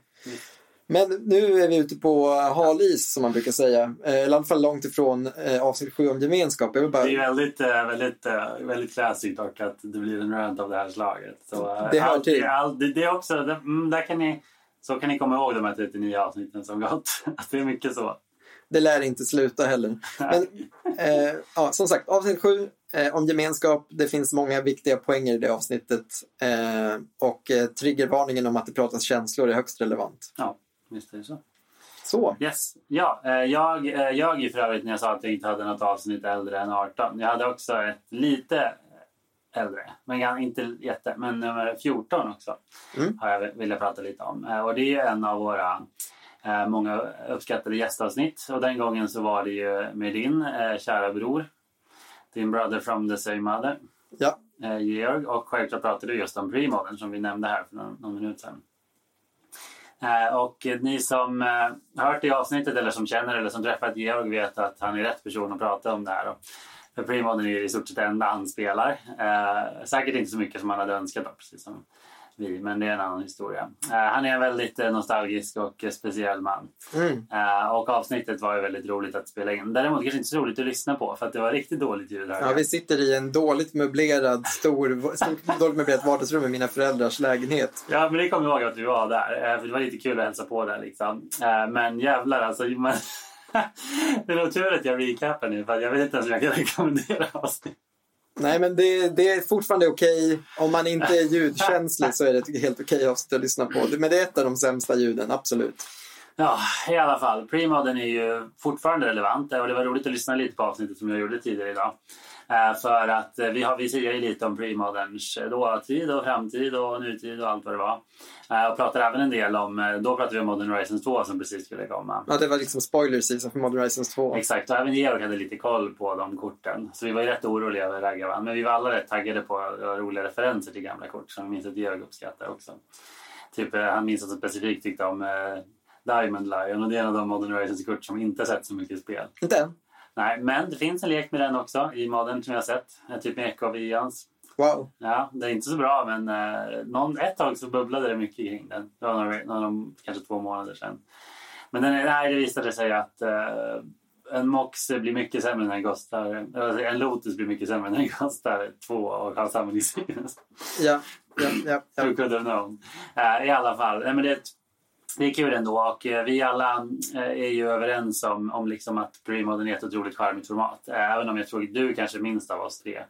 Uh, inte för att hänga ut så. Men, men, men Premodern, jag spelade senast förra veckan, eller om det var förra, förra. Uh, och hade väldigt roligt just för att eh, jag kan bara understryka det innan vi går vidare sen att det har ju det blir ju ett helt unika situationer. Alltså, det är så olikt legacy för att powerleveln är så mycket lägre. Ja, ja, Och det är så olikt commander för att liksom, man spelar andra kort och folk har också lägre power level. Eh, och det, det, det finns liksom bara inget som liknar det. Det är olikt kub också för att liksom, ja, igen, alltså creaturena i premodern är så dåliga. Och, men svaren är så bra och hatkorten är så bra så det blir bara en så konstig mix liksom. Man får göra saker som man bara inte skulle göra i något annat format liksom. Eh, och det är ju ja, det är bara väldigt roligt tycker jag. Alltså jag tror jag skrattar mest i det, när jag spelar det formatet av alla format. Liksom. Ja. Och det ska man ändå inte underskatta. Verkligen inte. Och det är också ett format som har väldigt många charmiga detaljer. Typ att det finns starka lekar som inte är så dyra. Eh, det finns dyra lekar som inte är så starka, men som är väldigt lustiga och dumma. Alltså jättekänsliga kombos som bara dör till en torrmodskrypt liksom. Eh, som du säger, de här alltså, hatkorten är så otroligt potenta. Så det är ofta när motståndaren bara spelar en enchantment för, med, för två mana, så man bara ah, hopp. Nej, okej, vi tar nästa. Och den grejen finns ju inte i något annat format. Liksom. Det, det påminner väl kanske mest liksom ändå någonstans om Legacy i så fall. Alltså det är liksom Eller mest, Legacy mest, förr, mest lik Cardpool med typ ett gammalt Legacy. Sure. Eh, Ja, men nej. även det här med att svaren är mer potenta än hoten, det är ju lite känt för Legacy. Det stämmer ju lite med Legacy också ändå Ja, på visst, något visst. sätt. Jag fick ju uh, resolva en Tefferis Moat mot Goblins. Ja. Röda creature kan inte attackera mig. Och de har inga sätt att paja enchantments direkt heller. Inga bra Nej, sätt. det är inte bra. Naturalite efter sideboard liksom. Jag bara, åh, nej, vi tar nästa då. Nej, men jag, jag håller med och jag tycker att premodern är ett sånt där, jag hoppas att det är ett format som liksom biter sig fast och fortsätter leva för att det känns som att det verkligen tillför mycket lugn och ro i ens Magic-liv också. Har du en bra premodern-lek så kommer den vara en bra premodern-lek om tre år också. Liksom, Om de inte bannar något. Men Ja, en banner eller unbanner, det är så här, ja, leken kommer fortfarande vara helt okej antagligen. Det är så unika lekar som verkligen kan bli faktade. Typ bannern av Landtex verkligen dödade ju en lek nu. Mm. Eh, men, men alltså det, det, är ett, det är ett vackert format och vi ska vara glada att det finns. Ska vi lyssna lite på Ja, ett ut, Exakt, jag valde ut ett, ett klipp som faktiskt creddar dig lite grann i att du har en väldigt bra... Du säger om någonting som visade sig vara nästan sant på ett roligt sätt. Eh, Mm. Så vi ska ta och typ, lyssna på det. En sak som det skulle kunna leda till är att även den mest relevanta enheten upptäcker formatet, nämligen Wizards. Jag tycker det är superintressant. Alltså vad händer om Wizards kanske inte tar över formatet som de gjorde med Commander, men kanske börjar göra riktade eh, släpp som påverkar formatet. Det, vi Jag är, styr eh, Wizards Commanders bandlista nu? nej, Nej. det är fortfarande Councilet som styr. det skulle kunna vara att de tar över men att... eh, Alltså de sanktionerar formatet men att det fortfarande är den kretsen som får. Så skulle det absolut kunna bli. Men det jag tänker på specifikt är reprints av gamla Old Border-kort. Alltså typ Ja. en sån här pre-modern, inte tänk en pre-modern anthology. Mm. Eh, bara ett gött släpp med massa, en booster liksom. Typ som Time Sparrow Remastered. Eller en dual dex med två lekar som inte innehåller reservelist-kort. Ja, och eh, om du inte förstår det själv så du nämner ju här vad heter det, The Timespell Remaster var en stor succé och de skulle kunna göra något liknande med Old Border-kort. Och vi fick ju eh, Dominaria Remastered för något, ett år sedan kanske. Ja. och det är ju, ja, vi har ju båda skojat om att det är Pre-Modern Masters liksom. Det är ju verkligen sant. Eh, Så bara, eh, bara roligt. Eh, Däremot så stämmer det ju inte. Vi har inte sett några tecken på det som du och Georg pratade om att de skulle gå in mer detalj mot premodern. Alltså de skulle vilja liksom komma in och styra upp på något sätt eller släppa något som de, de har aldrig nämnt premodern. Alltså de har aldrig nämnt begreppet. Eh, och det har vi fortfarande inte se att det finns något som tyder på att de kommer göra det. Däremot väldigt roligt just att de har fortsatt pumpa Old Border reprints. Vilket jag har gjort mig kluven. Alltså både för att jag Ja, för att jag har gamla Old Border Foil som jag kommer gå ner i värde jag är rädd för. Men också för att liksom, det finns något fint med att gamla kort får ha en unik look. Liksom. Men också jäkligt gött för att jag är ju otroligt svag för oldboard. Liksom. Och eh, det här det har ju blivit nästan ett sätt att få in snygga budgetkort i Premodern. Alltså för många av korten från Dominaria Remaster är inte värda så mycket alls fast de är oldboarder. Vissa är oldboarder Foil och inte värda så mycket alls. Några gamla, gamla tjurgubbar hatar det rakt igenom. Liksom. Och det är fortfarande nya kort så de, borde inte, de har fått spela med dem. Men många andra har ju embraceat det. Liksom. Verkligen. Och det är ju en öppnings... Alltså det öppnar ju en dörr för de som vill komma igång med formatet och inte bryr sig från början om det är de gamla korten eller inte. Och i många fall alltså blir ju kära i de gamla versionerna av korten och skaffar dem till slut ändå. Så Säkert. Ja. Säkert. Vi nämner också där, när vi pratar om priser, om hur dyra Old Border eh, Pain-länder. Och det, det slog mig hur väl det fortfarande stämmer. ja, framförallt foilsen är ju grotesk. Alltså. ja. Nej, men det är verkligen fascinerande och jag tycker att det är, eh, det är jättekul att eh, Dragon's Lair har tagit ansvar för att eh, börja arrangera premodern veckovis här i Stockholm. Det är ja, för verkligen... tillfället i alla fall. Det är inte, det är inte hundra att det blir varje vecka. Men, Nej. ja, men, men det, det är i full gång i alla fall. Och de som är taggade är de som kör. Eh, Så Mm. det är superkul. Så om du bor i, lyssnar och om du bor i Stockholm och om du tycker premodern låter nice så tycker vi att du ska googla dig fram och klicka dig fram på Facebook eh, tills du hittar till de här eventsen som brukar vara på onsdagar ibland lördagar. Ja. Du kommer få låna lek också om du vill. Och där tänker jag att vi kan gå vidare till nästa avsnitt. Och då har vi kommit till eh, avsnitt 13 då. På tal om Modern Horizons så gjorde vi faktiskt ett helt avsnitt om Modern Horizons när Modern Horizons 2 var på gång. Eh, och det här avsnittet gick framförallt igenom Modern Horizons 1. Det hade jag glömt bort. Jag trodde att avsnittet handlade mest om releasen av Modern Horizons 2, men det var knappt spoilat ännu. Utan det här var bara en ordentlig recap av Modern Horizons 1. Jo, men och det en var... celebration av det som var fantastiskt och en liten hurring mot det som var meh Mm. med Modern Horizons Mm. 1 då. Dels är det roligt för den som inte kanske har så bra koll på Modern Horizons 1 och kolla på det här för att se liksom, vad fan var Modern Horizons 1.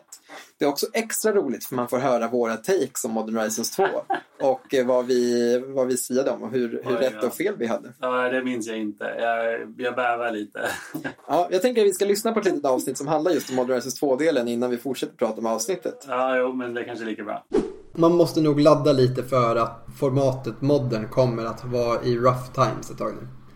Alltså har man en lek som man tycker väldigt mycket om. Det är mycket möjligt att din lek kommer bli helt ospelbar. Har du eh, liksom inte en lek du tycker om. Nu kanske det kommer lekar som du kan hoppa på. Mm. Eh, men det som, var bra, det som är bra idag kommer förmodligen inte vara eh, likadant om tre veckor. Så vad ska man göra? Ska man sälja allt man har? Man ska absolut inte säga det. Man ska sitta still i båten. kolla så att inte ens egna lekar råkar vara en av de som blir ännu bättre. Kolla så inte någon av ens gamla favoritlekar dyker upp liksom. Men att ändå, det pratar om, var flexibel. Mm. Att de som, är, de som står benfast eh, nu, de kommer få det jobbigt. Ja, som ni hör så pratar vi lite om att modden förmodligen kommer förändras i och med releasen av Modern Horizons 2. Kan man och eh, det var väl egentligen ingen hot take på något sätt. Det var väl väntat med tanke på hur Modern Horizons 1 hade blivit. Modern, men Modern Horizons 2 måste nog sägas ha skakat om formatet bra mycket mer än vad ettan gjorde. Alltså Pitch Elementals framför allt har ju förändrat Magic för all framtid men både Modden och, och sakta men säkert Legacy har ju eh, sett de här eh, fem creaturesarna helt, ta över formatet helt. Och sen också en rad andra eh, kort som verkligen har förändrat. Eh, framförallt Modden. då. Ja, verkligen. Men då, precis, om vi fokuserar på just Modern Horizons 2 igen då, som vi som, återigen pratade om även i avsnittet som jag refererade till med premodern. Men så är det ju. Eh, Så är det ju. Jag minns också det som eh, alla är överens om vilken enorm impact det hade nu, Modern Horizons 2. Men jag har ett svagt minne av att folk tyckte att Fury var underpowered, vilket är så här helt bisarrt här i, i backspegeln. Jag minns, det, jag minns det ganska väl, att folk var så här, men det här är nog den sämsta i cykeln. Liksom. Bara, eh, Och den som folk var mest stressade över var Grief. Och det Ja. tog orimligt lång tid för Grief att få den, den här statusen som den har idag. Ja, för där hade ju folk rätt. Att den var ju helt dum i huvudet. Och alla är ju dumma i huvudet såklart. Ja, jag visste till och med Subtlety har liksom jobbat sig in i att ha en extremt viktig position, framförallt i modern. Ja, jag spelade den ju i Murfolk i modern. Jag spelar inte så mycket modern. Men, eh, och jag, var, jag minns, det var ju inte så länge sedan jag körde nu. Det var ju när vi körde. Eh, Och då var jag tvungen att så här, tur två pitcha kontra en Bowmaster bara för att det var en för hård blowout mot öppnat. Ja. Ja, det kändes ju så här, ja, shit vilket card disadvantage. Men det gjorde jag, för han var också lite manatorsk och sådär. Och så kunde inte ens behålla Bowmastern på toppen. Och då visade det sig att det var sjukt rätt play och så vann jag det gamet liksom. Ja. Eh, Men jag minns att Fury var, eh, jag minns specifikt för den kostade typ 40 spänn eller något. Alltså 50 max. Så alltså det så, man bara, va? Den tog ganska lång tid på sig att klättra upp till priset som den har idag. Ja, och nu pratas det om att folk vill ha en massban i modden liksom. Och det tror jag inte kommer hända. Nej, Men det vore intressant eh, såklart. Jag är väl egentligen för, men jag tror att det är väldigt unlikely. verkligen. Det som är spännande med pitch elementalsen som många liksom tyckare säger, alltså om du pratar om så här deckbilder som Aspiring Spike, att om du bannar en av dem så kommer de andra bli för bättre. Alltså alla pitch elementals hålls i schack av de andra pitch elementalsen på ett obehagligt sätt. Alltså att Ja. ofta så är eh, Solitude det bästa svaret på de andra pitch elementalsen i, Ja. i formatet. Eh, samma sak med Subtlety, den pratas ju lite om att bannas i och för sig. Eh, och Grief håller väldigt många andra väldigt st- starka lekar i schack, eh, alltså i scam-paketet. Eh, ja, Nej, Jag tror vi får leva med dem. men det de har gjort är ju att de har ritat om kartan för modern som format. Alltså alla lekar som fanns innan Modern Horizons 2 ser väldigt annorlunda ut idag. Det finns några få undantag som, som inte har liksom ändrats helt och hållet. Eh, typ Tron är ju inte en lek som generellt sett har ändrats så mycket just av de här korten. Nej, det är sant. Eh, en annan sak som kom Modern Horizons 2, även om det inte handlar om avsnittet som verkligen förändrade, var ju eh, de här billiga removal spelsen som verkligen också kastade om formatet i grunden. Alltså Prismatic Ending och eh, Unholy.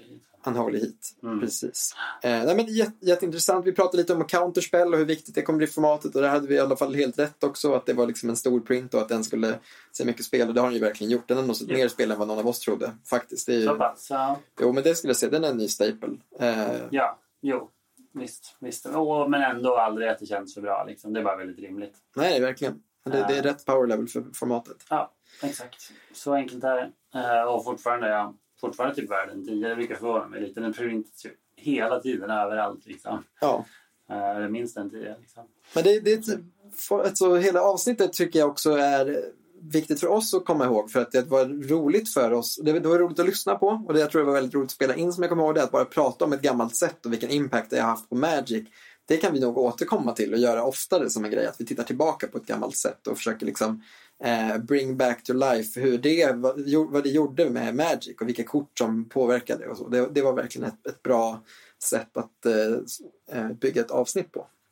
Verkligen. Så ja, det är också habilt ljud kan jag tipsa om. Jag vet inte vad vi hade för mickar just den gången men det låter tillräckligt bra för att lyssna på. Ja, härligt att höra. Ja, men då, då kan vi rekommendera det med gott samvete. Då. Det kan vi absolut. Varsågod nästa. Yes. Uh, ja, jag tänkte att vi uh, ska hoppa in i avsnitt 23. Uh, eh, och det är ju ett väldigt speciellt avsnitt. För att det var ju då jag och lite du, men kanske framför allt våra lyssnare första gången fick bekanta sig med Chris. Mannen som eh, sitter och klipper eh, det här avsnittet eh, precis som han gjort med så många andra. En, ja, det är den när vi två blir tre. Ni vet. Ja, det var då så vi bondade med Kristoffer i podden. Exakt, så jag kände mig att det var ju allt annat hade ju varit eh, orimligt att eh, faktiskt nämna det här. Eh, också väldigt mysiga avsnittet då. Och som Chris gjorde sin stora debut i. Och det var ju då avsnitt 23 och det handlade om Magic-föreningar. Eh, eller föreningsliv i allmänhet lite så.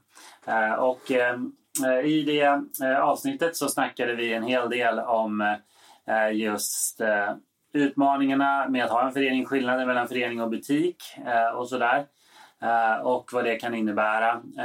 Och, och det är lite roligt för vi skojar mycket också i det avsnittet om att så här, det är en av de, eh, de avsnitt med eh, eh minst Magic-innehåll. Alltså, vi snackar mest om andra saker. Så möten och eh, du vet, styrelser och eh, till och med lite ekonomi och, och sådana här saker. Och grämer oss över liksom det här med kallet att vara en sån som lever genom andra. Liksom. Så, vilket också dyker upp mycket i ett annat avsnitt som jag kommer nämna snart. Men det här med liksom att man, glädjen blir att se andra spela. Du vet. Ja.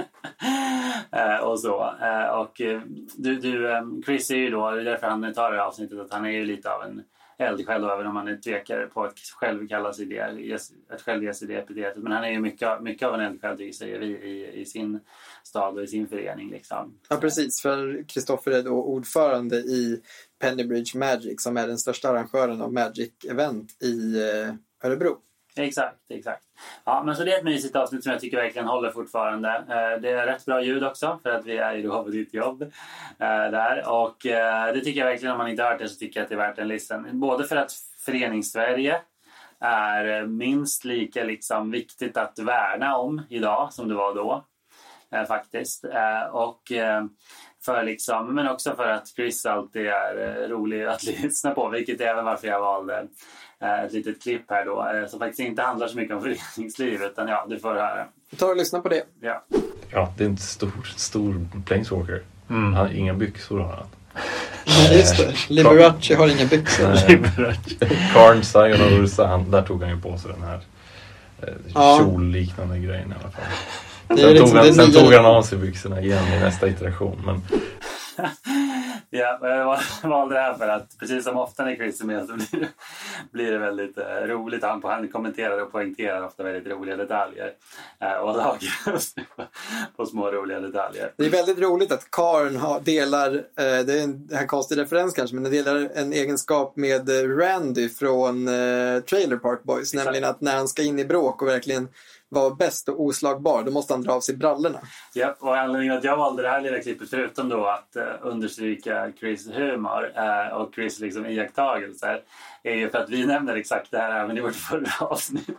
Alltså det är liksom den här grejen med att, eh, att Karn inte har byxor. Och när jag sa det i det avsnittet så hade jag glömt att det var, att det var Chris från början. Jag hade också glömt det. Ja, så därför jag inte kunde låta bli att eh, spela upp det här lilla klippet för att ge honom cred för att det var... att Det är hans take, ja. Det är hans take att han faktiskt har helt rätt i att eh, när karln tar av sig byxorna så är han riktigt bra. Då är han farlig.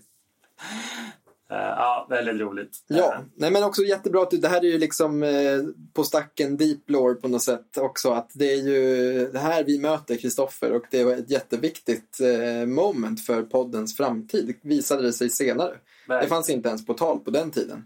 Utan långt senare kom vi liksom att sammanstråla i andra projekt och ja, det är jätte, jättekul. Verkligen. Och vi, vi vet ju att, och vi är glada att kunna säga att Chris liksom Eh, fortsätter att eh, kötta på under På stackens namn, både i framtida avsnitt eh, på olika sätt. Och för att inte tala om det praktiska fixandet, men också på vår Youtube-kanal. som inte är fullt så levande som vi kanske drömde om för något år sedan. Men, Men- genom Kristoffer ändå levande. Exakt. Men Och numera över 100 subscribers. Ja. Herregud, bara en sån sak.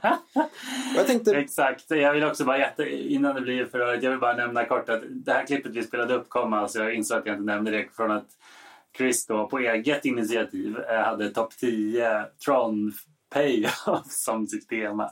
det hade han. Och det var självklart därför han pratade om eh, Carn Liberated. Ja, nej men eh, det här är ett perfekt tillfälle för oss att släppa in en liten reklamsnutt för första gången i På stackens historia. Och den låter så här.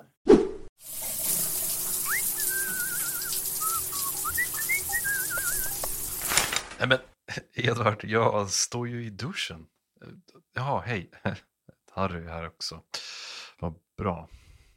Ja, just det. Det var nu jag skulle göra den här eh, pluggen för På Stackens YouTube-kanal där jag har börjat eh, spela in eh, pappersmagic Pappers Magic-videos som jag kommenterar. Det var nu ja. Nej, det har jag inte tid att göra just nu. Jag, ja, det här skägget, det tvättar ju inte sig själv va. Nej, hörni grabbar, nu får ni gå ut härifrån. Eh, jag hoppas verkligen inte att ni avbryter någon mer på det här sättet i nästa tillbakablick. Eller hur? Det skulle ni väl aldrig göra? Right? Så ja, in och kika på Youtube-kanalen och ta del av Kristoffers fantastiska videos där ni kan höra hans ljuva stämma kommentera eh, pappersmagic numera. Då. Det är superkul och någonting som jag verkligen uppskattar. Jag kollar ju mycket på, på eh, Magic på Youtube och det här är bara för mig perfekt. Ett till, eh, till sätt att konsumera eh, magi. Vi ska fortsätta med ännu ett avsnitt i våran hyllning till På stacken här då. Eh, hyllning till oss själva. Charmigt drag. jag precis det därför jag började fnissa lite. Sällan man får, får bete sig så här. Men eftersom, det är därför man har en podd, eller hur? Eh, Ja, det är någonting narcissistiskt i hela grejen, det är det ju. Eh, det går inte komma runt. Vi har snott Wizards idé, heter avsnitt 30. Ja, Och det var ett avsnitt, det är vårt längsta avsnitt hittills. Eh, hotat bara av det här kanske? Ja, vi får väl se. Nej, nej. Ja. Eh, ett avsnitt där vi tog ett kort från varje år i Magics historia och lyfte det till skyarna och berättade om varför det var så fantastiskt. Exakt. Här släppte vi också in alla våra tidigare gäster som vi kunde få tag på den kvällen och lät dem genom ett telefonsamtal och tekniken i, vårat, eh, i mitt jobbs gamla studio berätta om ett kort då som vi, eller vi hade tilldelat dem ett år och så fick de berätta om ett kort från Magics historia. Exakt, så det jag måste säga att det är åtminstone vårt mest ambitiösa avsnitt. Det är det definitivt. Ja, om inte, inte bara det längsta. Nej, Så jag är glad att du lyfter det här för att eh, jag hoppas att någon vill lyssna på det. För att eh, det var ju när man faktiskt ansträngt sig, du vet. ja, det är bra ljud förutom många Ja. inringande gästers ljud då. Det kan inte vi ta ansvar för. Eller hur? Och det är så himla maxat med Magic-historia och på stacken grejer och det är verkligen ett, ett jävligt roligt och faktiskt ärligt talat bra avsnitt med Ja, ja. skitmycket rolig trivia om olika kort och vad som hände i Magic vid de här olika åren så vill man bara ha liksom en, ja men egentligen relativt snabb genomgång av hela Magics Sure. historia så är det här ett väldigt fint axplock eller ur det. Verkligen. Ett försök att göra Magic rättvisa. Mm. Och ja, jag vet inte, alltså det är väldigt svårt dock att säga så specifika saker om det här avsnittet. För det var bara precis vad det var. Det var maxat, det var liksom alla de här korten. Ehm, Och som titeln dock eh, antyder så har vi alltså Wizards eh, själva gjorde väl det här? Eller var det att MTG Wizards, ja, Wizards gör ju det här genom att de släpper eh, på varje Ah. pre-release promos av eh, kort från olika delar av Magics historia. Och nu börjar de komma ganska nära nutid. Under det här två år långa 30-årsjubileet som de... Och att de släppte Secret Lair 13th Anniversary som var ett kort per år. Ja, just det. Ja, ja, det var det också. Så de har gjort Och lite den att MTG Goldfish tror jag också gjorde det här. Men det ska vi inte haka upp oss på. Nej, det är en given idé. Ja, Det blir väldigt bra. Och nu tänker jag vi ska lyssna på en del från det. Gammal The Crescent Moon är en eh, två blåa, ett trea Howling Mine på ben. Den säger att alla drar ett extra kort i början av eh, varje draftstep. Men det är nästan inte det som är det bästa med den. Den, det bästa med den är att det är en, snubb, en helblå snubbe med en väldigt stor rumpa. Och han, är, han, han hånler och han är så jävla fin. ja. Kul att höra Roberts oförberedda stämma. Ja, den är oftast oförberedd. Men inte alltid. Nej, exakt. Vad var det han gjorde? Stod och lagade mat eller? Jag hade precis lagat mat, skulle sätta sig och äta, så ringde på stacken och ville ha referenser till gamla Magic-kort. Nej, men avsnitt 30 är ett jätteintensivt och bra avsnitt med eh, sjukt mycket content helt enkelt. Och med det sagt så tycker jag vi går vidare till Harrys nästa avsnitt. Vilket ska vi till nu? Ja, eh, vi eh, ska hoppa till eh, något väldigt speciellt. Eh, någonting som jag tror kanske är vårt mest lyssnade avsnitt. Bortsett från avsnitt 1, ja. Ja, okej. Bortsett från avsnittet. Ja, av de, av de topp två mest lyssnade avsnitten så är det definitivt det bästa. Eh, och det är avsnitt 26 eh, som är speciellt på flera sätt. Eh, inte bara för att det är väldigt, har många lyssningar men också för att det var direkt ifrån Lincoln. Det här är alltså avsnitt 26 då, som vi gör tillsammans med Discus från Svenska Magic. ja. Och Lincoln, ja, eh, och på stacken har varit där både 2023 och 2022. Eh, och det här var då 2022 när även du var med, Edvard. Eh, Ja. och det var ju då det första av de hittills två gånger som vi har varit med och kommenterat SM dessutom. Vilket är en väldigt stor ära och ett väldigt roligt och, men köttigt uppdrag. Verkligen. Eh, Så så är det. Men ja, i det här avsnittet så fick vi då äran att ja, intervjua, ja, jo men göra ett avsnitt tillsammans med Daniel Ahlström, mer känd som Discus då. Och Discus är ju en av de som har varit mest eh, inblandade och mest engagerade i Svenska Magic och då är det föreningen eh, men även hemsidan. Ja. Eh, Och vad det, det här är ett avsnitt som jag verkligen rekommenderar fortfarande. Det är helt okej ljud. Och Svenska Magic har ju, om ni inte vet det, varit en så stor del av den svenska Magic-communityn i lång tid. 25 år säkert, eh, skulle jag gissa. Ja. 20-25 år. Eh, Och för mig och många andra så var det ju det självklara sättet att liksom lära sig om Magic, hålla sig uppdaterad om Magic eh, under väldigt, väldigt många år. Men där är liksom innan sociala medier så fanns det ett forum då där man kunde vara inne liksom och diskutera nya releaser och lekar och turneringar och allt möjligt. Och Exakt. det skrevs ambitiösa turneringsrapporter och det är liksom, ja, Exakt. noobs mötte proffs och fy fan, vilket ställe. Verkligen, verkligen. Eh, Det, är ju, det finns så mycket grymma funktioner som många av dem fortfarande är igång såsom eh, leklådan som du nämnde där och liksom forum och, eh, och artiklar inte minst. Men allra mest så är det kanske torget och kortpärmen som fortfarande frodas och det säger Diskus även i avsnittet. Eh, Och många Ja, men, men, men igen, alltså många är fortfarande väldigt aktiva och det är många medlemmar i föreningen även om många av dem börjar bli till åren. Ja. Diskus nämnde i avsnittet att det var ju 10 ungdomar i den här ungdomsföreningen, den här Sverokföreningen. Ja, Eh, och sådär. Och han, precis som i avsnittet med Chris när vi pratade om föreningar så pratar ju Diskus mycket om just utmaningen med att driva en förening. För Svenska Magic är ju bland annat en förening. Eh, och han pratar just om så här, eh, ja, det är ju ett faktum att man kan ha 2000 medlemmar men väldigt få som vill sitta i styrelsen. ja, Eh, och så. Eh, och att han liksom, precis mycket som du, har ofta, och även som Chris ibland, att man lever mycket genom andra i den mån att man får liksom, som en stolt pappa så får man glädje och energi av att se sina barn vara ute och leka. Eh, och själv är man svettig och utsliten. Liksom. Ja.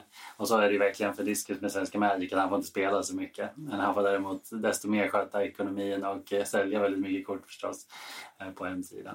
I alla fall, men vad jag som är så väldigt eh, Vad som är roligt, jag tror faktiskt att jag, jag kommer nog fuska lite här och ha två väldigt korta klipp efter varandra. Ja, vi Eh, för det. båda, båda är lite roliga för att det blir en liten eh, eh, krock då. Så här är det ju va. Att eh, Svenska Magic får ibland kritik för att det är dammigt. Alltså hemsidan är dammig. För att den är ju den är gjord långt innan vi hade så smidiga eh, hemsideslösningar som eh, vad heter det, Wordpress. och Han är Squarespace. byggd från grunden upp liksom. Ja, exakt. Och den, har egentligen, den har ju haft en större uppdatering, men det var länge sedan nu. Eh, Den är, för de allra flesta är den väldigt gammal.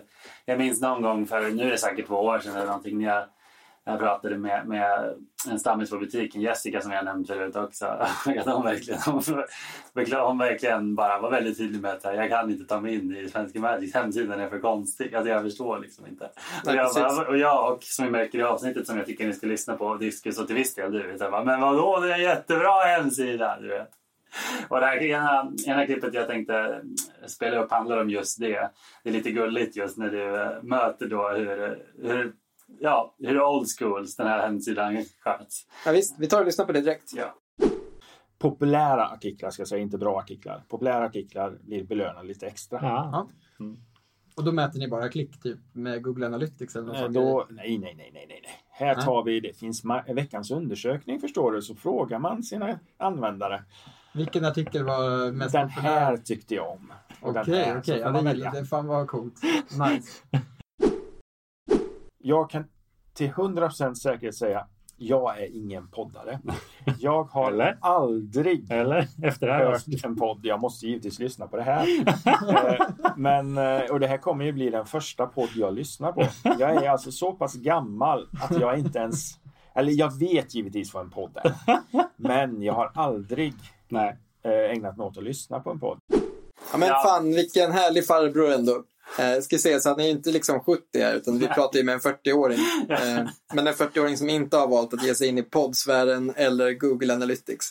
Ja, jag ut lite diskus här, men det är med kärlek. Alltså, han är ju väldigt öppen själv med eh, boomer-stämpeln. Ja, ja, verkligen. Han sätter den gladeligen i sin egen panna.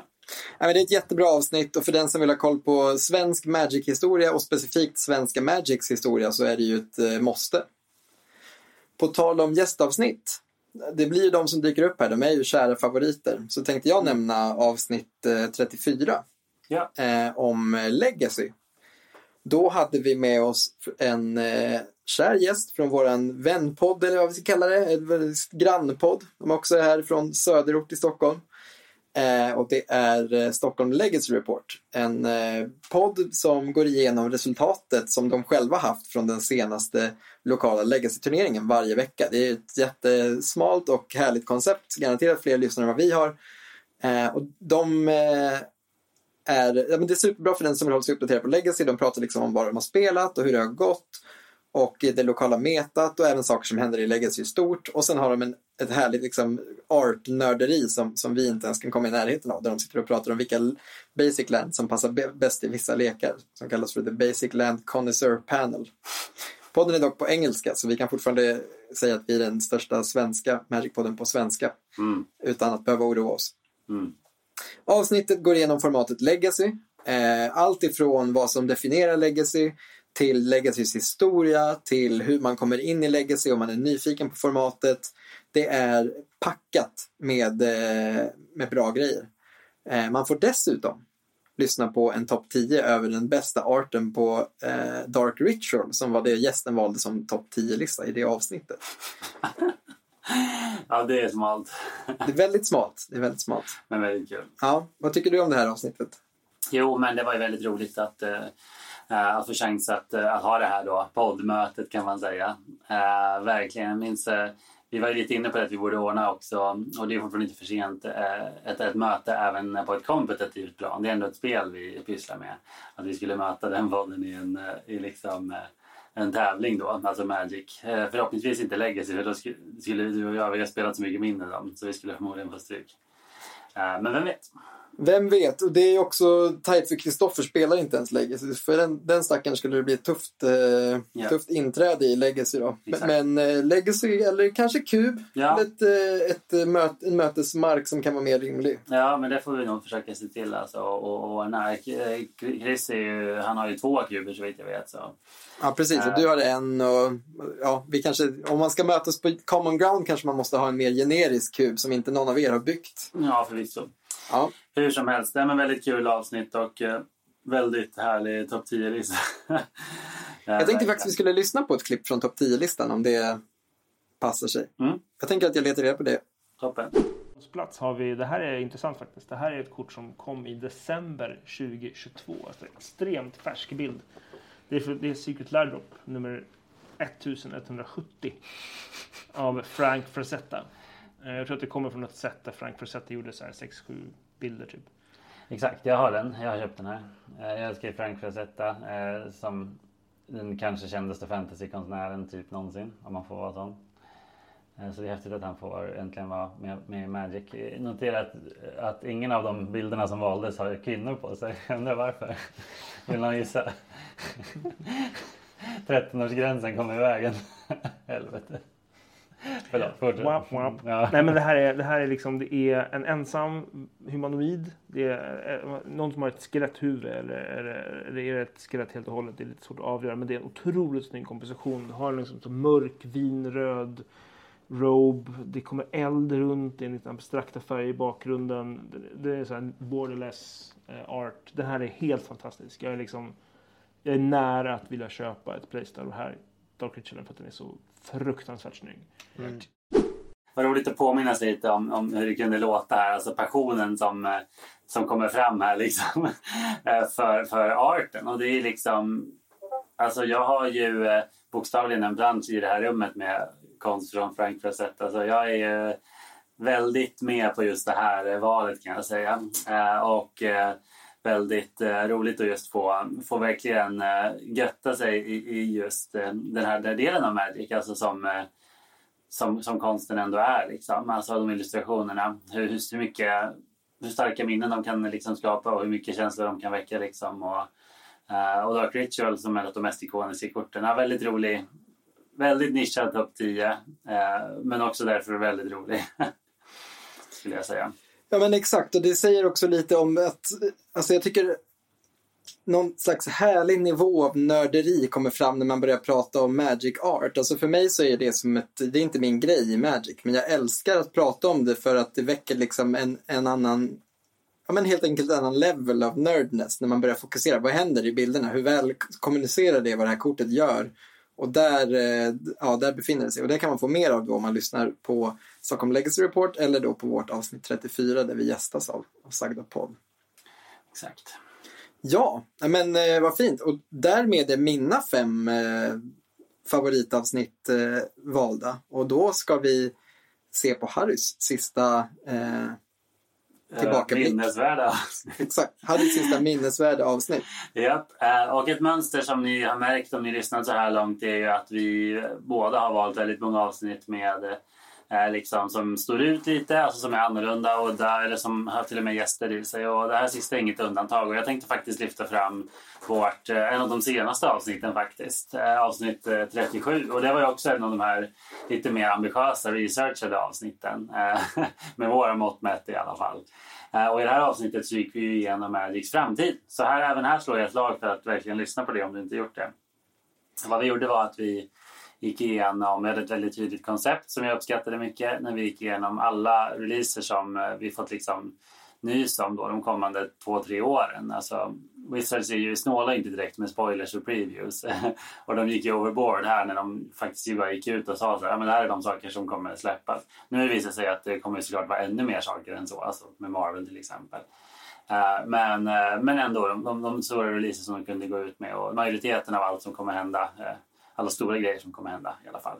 Det kommer ju släppas 300 Secret Lairs däremellan också. Men, men ändå. Eh, Och i det här avsnittet så gick vi igenom då, satte vi betyg då på hur hypade vi var. Ett eh, stack score eller vad vi sa. Ett stack score, ja. Ja. Nej, men det var väldigt roligt eh, och väldigt på flera sätt. Både liksom att få, få prata, vad heter om de här grejerna som att få liksom spekulera.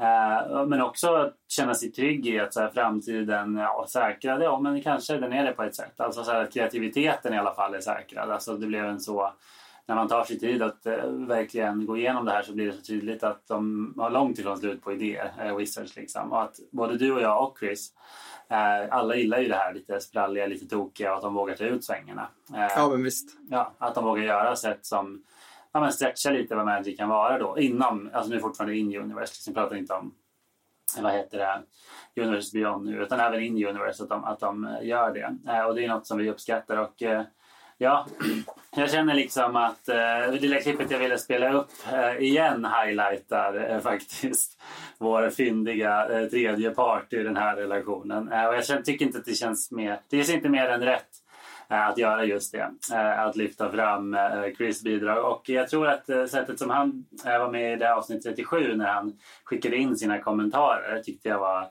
eh, väldigt roligt eh, på, på flera sätt. Liksom. Eh, Och eh, vem vet, det kanske är någonting eh, som vi kommer höra igen i framtiden. Eh, Något liknande i alla fall. Eh, Att vi får höra eh, att Chris inte bara är bakom spakarna utan också får bidra. Eh, Och det är någonting som jag i alla fall eh, vill och här vi ett exempel på varför jag vill det. Ja. Ja. Rulla. It's high noon. Ge mig fler halvfåniga sätt. Det här är guld. Det upprör mig kanske lite att några av Omen Pathsen är öppna och att det tillåter karaktärer som inte är planeswalkers från andra planes att färdas mellan planesen. Ah, det kanske är lite främlingsfientligt av mig, men om jag såg Baral, Ishkana eller Norin på Thunder Junction, då skulle jag nog ropa Åk hem dit du kom ifrån, vi hjälper dig på plats istället. Ja, men exakt. Alltså det, ja, det, är en bra, det är en bra take på Omen, eh, Omen Pathsen, helt klart. Ja, jag valde ju det här då mest för att jag tycker själv att det är så väldigt roligt. Inte minst för att det är så otippat. Vi har ju precis gushat över, och även Chris då, som är astaggad på det här cowboysättet då. Vilket är ju väldigt far out, för, även för att vara liksom, modern Magic. Eh, men något som åtminstone vi tre alla var riktigt, och är riktigt taggade på. Eh, så det är bara väldigt roligt och otippat att eh, Chris lägger mest större delen av sin kommentar på att istället prata om lore-applikationen av Omen Path så han är lite skeptisk. Men man är ju taggad på att slänga på sig cowboyhatten och boots med spurs till pre-releasen och kliva in och se sig omkring på LGSen efter sin nemesis och sätta sig ner för ett parti kortspel. Det känns ju jävla fint alltså. Ja, det blir intressant att se hur många som kommer orka skaffa cowboykläder. Det har man ju- väl redan. Jag har, Du har i alla fall skinnvästarna. alltså jag har en del. Jag lånar. Men jag, förhoppningsvis har jag ännu mer till det. Jag har lite tid på mig. Ja. Jag har ju faktiskt ingen hatt. Det, hela det här avsnittet är ju liksom en peppbomb inför det som komma skall. Även om vi är lite oroliga inför vissa releaser, Ja, kanske framförallt olika Universe Beyond-grejer som vi kliar oss i huvudet över, så Ja. är det ju verkligen skitmycket som känns asroligt. Ja, verkligen. verkligen. Vi, vi, vi snålar ibland lite med betygen, men eh, det mesta verkar ju väldigt eh, pepp. Ja, jag skulle säga att snittbetyget är ändå 7 plus Ja, men på verkligen. det som kommer. Och då är det mycket som vi inte vet så mycket om, liksom. därför får det lågt betyg. Ja, ja, men absolut. Och, och sen är det lite kul, vi pratade även om Wilds of Eldraine och eh, ehm, Lost Caverns av Ixalan. Som vi nu, när det här avsnittet eh, släpps, så vet vi mer om, mer om dem. Framförallt Eldraine såklart, men även Ixalan. Ja, som ser ut att ha en helt extrem bonus sheet. Eller vad man nu ska kalla det nu. Det ändras ju lite vad det är för något. Men vilka jävla bangers. Alltså Det- Mana, Crypt, Cavern, uh, Cavern of Souls. Den är faktiskt i mainset till och med. Ja, ja, men det är bara så många grejer som känns sjukt Men det är nice. inte en bonus sheet på samma sätt. Som Det vet var. jag. Det är lite mer Ja. ovanligt och så. Men, men det är fortfarande många sweet reprints. Vad så var också Chalice kommer och... Ja. Ja, det, ja, det kommer bli crazy. Och sen Jurassic Park-korten på det. Så. Ja, herregud. Vi, vi, we're here for it, som man säger. Oh yes. Oh yes. Ja, men i alla fall, det här är 10 av våra 39 avsnitt som vi har lyft upp nu. Eh, Jag tror knappast att det här avsnittet i form av en recap skulle komma med på den listan, men jag vill ändå säga att av det vi har pratat om, jag är väldigt stolt över det vi har gjort och det är ganska kul att titta tillbaka på en sån här tre år lång historia. Även om den har varit väldigt sporadisk och vi liksom inte har släppt avsnitt, avsnitt konsekvent så är det ju ändå typ så här 60-70 timmar av Magic-snack som vi har lagt upp. Ja. Eh, väldigt mycket av eh, ganska rolig och hög kvalitet. Eh, en del saker som kanske också inte varit helt genomtänkt eller haft så bra ljudkvalitet. Men Ursäkta? med det sagt, väldigt mycket som faktiskt är väldigt bra. Ja, men verkligen. verkligen. Och det är roligt, jag tycker att det här 37 avsnittet faktiskt, det måste jag själv säga, jag tycker att det är ett av vårt bästa. Alltså Mm. det är det som jag tycker känns mest gjutet. Det kommer man kunna komma tillbaka till väldigt mycket och se, hade vi rätt? Man kommer kunna Mm. komma tillbaka till och kolla liksom, vad är det som är på gång egentligen? Även alltså under kommande året kan, kommer det här vara relevant. Mm. Eh, nej, men det känns som att det är liksom på stacken där det är som bäst, ärligt talat.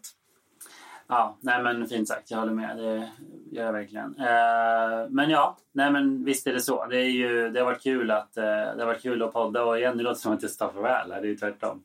Eh, det har varit väldigt kul att podda och jag tycker också att eh, eh resultatet ändå, eh, det har, en, det har en charm som jag kan stå för eh, alla dagar i veckan. Och eh, ibland är riktiga riktiga guldkorn som vi fått höra några av idag. Det har varit kul att titta tillbaka och, eh, och vara vara tacksam över dem. Eh, och stolt över dem som du säger. Eh, Men då så. Eh, Ska vi säga så för nostalgin kanske? Ja, dags att titta framåt. Mm. Så när vi säger på stacken 2.0, eller när jag säger det, du har faktiskt inte behövt säga det än.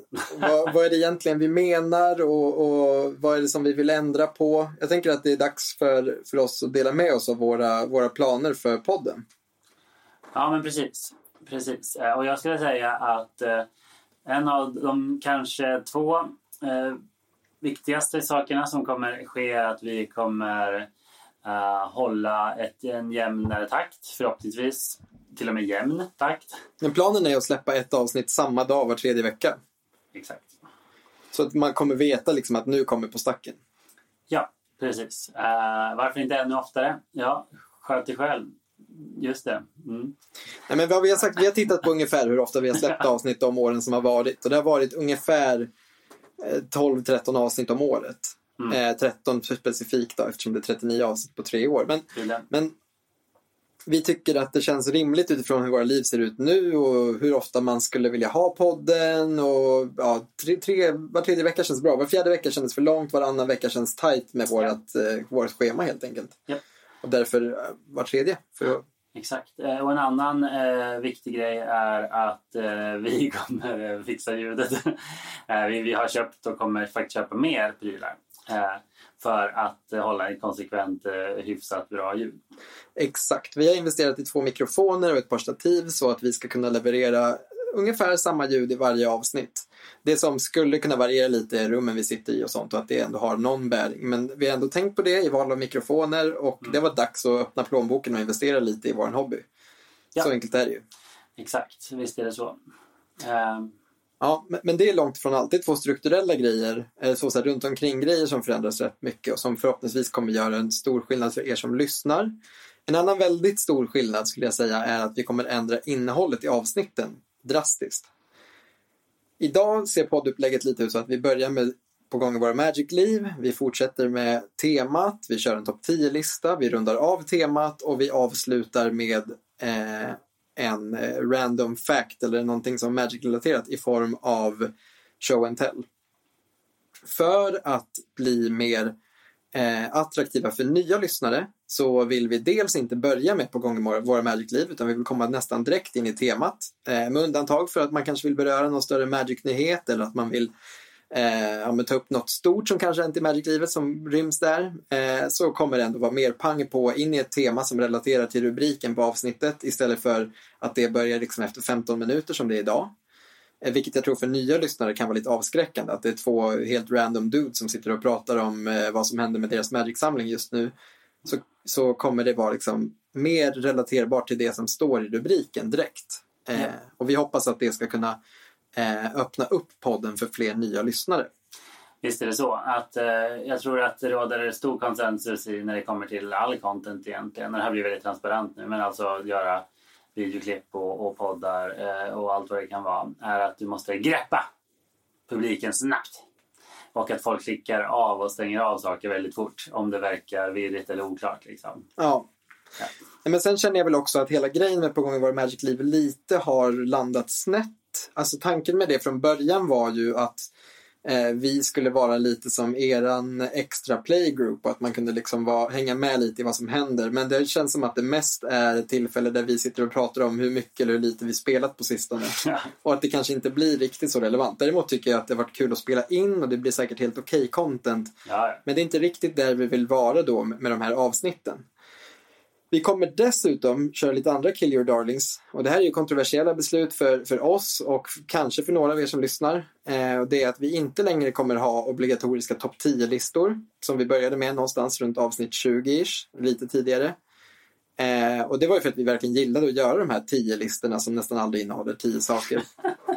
eh, och för att det kändes som ett bra liksom, så, eh, avbrott i avsnitten. Men tvärtom känner i alla fall jag att det har blivit liksom ett långt avbrott i avsnitten. Vi är ofta, det här är också väldigt transparent, vi har ofta inte förberett de här ordentligt utan det är något vi liksom har jobbat ihop i sista sekund för att få med det och det känns som att det liksom har blivit mer ett, en börda än liksom det här roliga. Det är kul men hur mycket tillför det? De tar upp väldigt lång tid i avsnitten också. Avsnitten blir liksom 20-30 minuter längre på grund av 10-listorna. Jo. För det finns så mycket att säga om varje punkt man vill dyka in i ofta. Ja.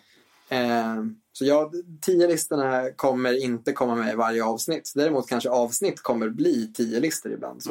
Som det var idag också. Till exempel som det var idag. Att det känns som ett trevligt sätt att göra avsnitt på snarare än att det blir liksom hel, Ja. en obligatorisk del av varje. Ja. Och för mig det kanske mest kontroversiella avsnittet i, eller delen i hur vi ändrar avsnitten då, är att vi inte längre kommer ha med show and tell i avsnitten. Och det är verkligen stort beslut eftersom det är vår mest älskade och uppskattade del och den delen som vi fått mest beröm för genom tiderna. Ja, men, ja det, men kan det här verkligen stämma? Ja, och det, det är också samma sak där. Det, liksom, det blir långt bort från ett tema. Det känns som att det inte alltid är helt relevant för lyssnaren och vi vill helt enkelt bli lite mer relevanta. Vi tror att det kommer göra nytta för, för poddens eh, spridning och för dig som lyssnar. Att det blir liksom en mer eh, sammansatt lyssnarupplevelse som fokuserar mer tydligt på ett tema. Eh, som ger dig mer inom det nischade temat som du är intresserad av och där de här runt omkring-delarna eh, inte längre är en del av de här huvudavsnitten. Huvudavsnitten? Vad menar han med det?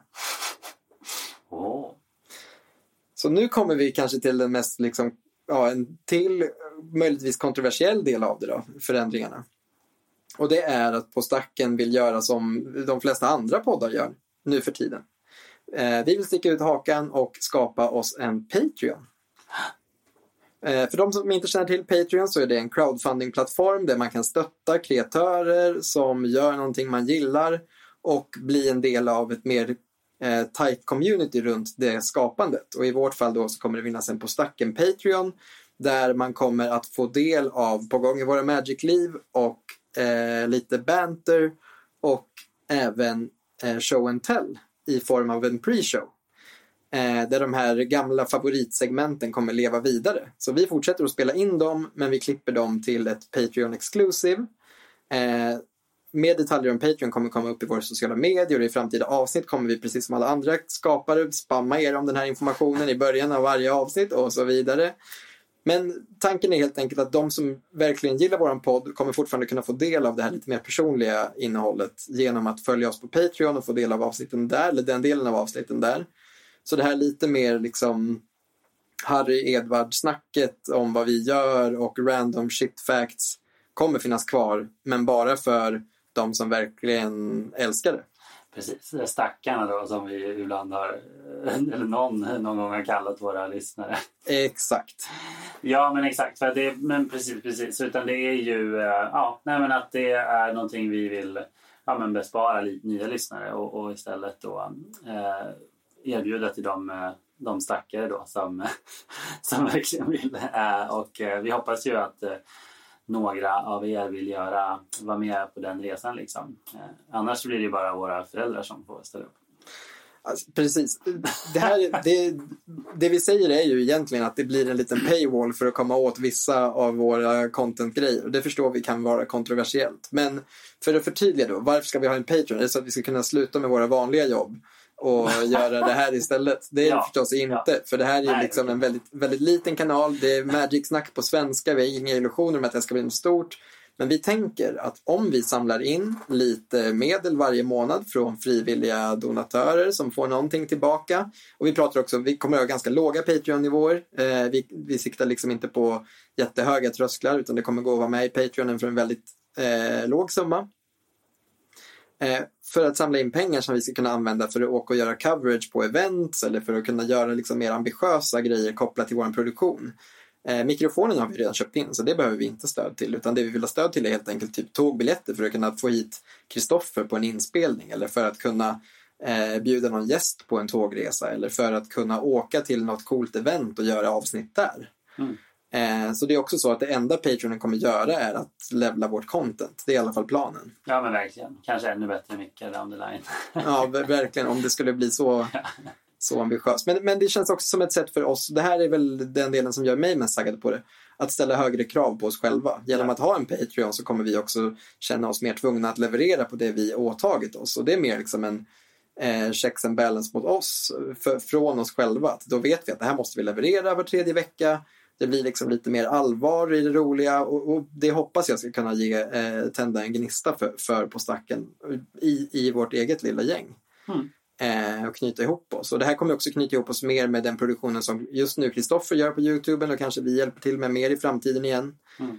Eh, för vi vill även ha lite rörligt material. Vi tycker att det är superkul. Vi har bara inte riktigt hittat formen och, och tiden för det just nu. Kristoffer har däremot gjort det.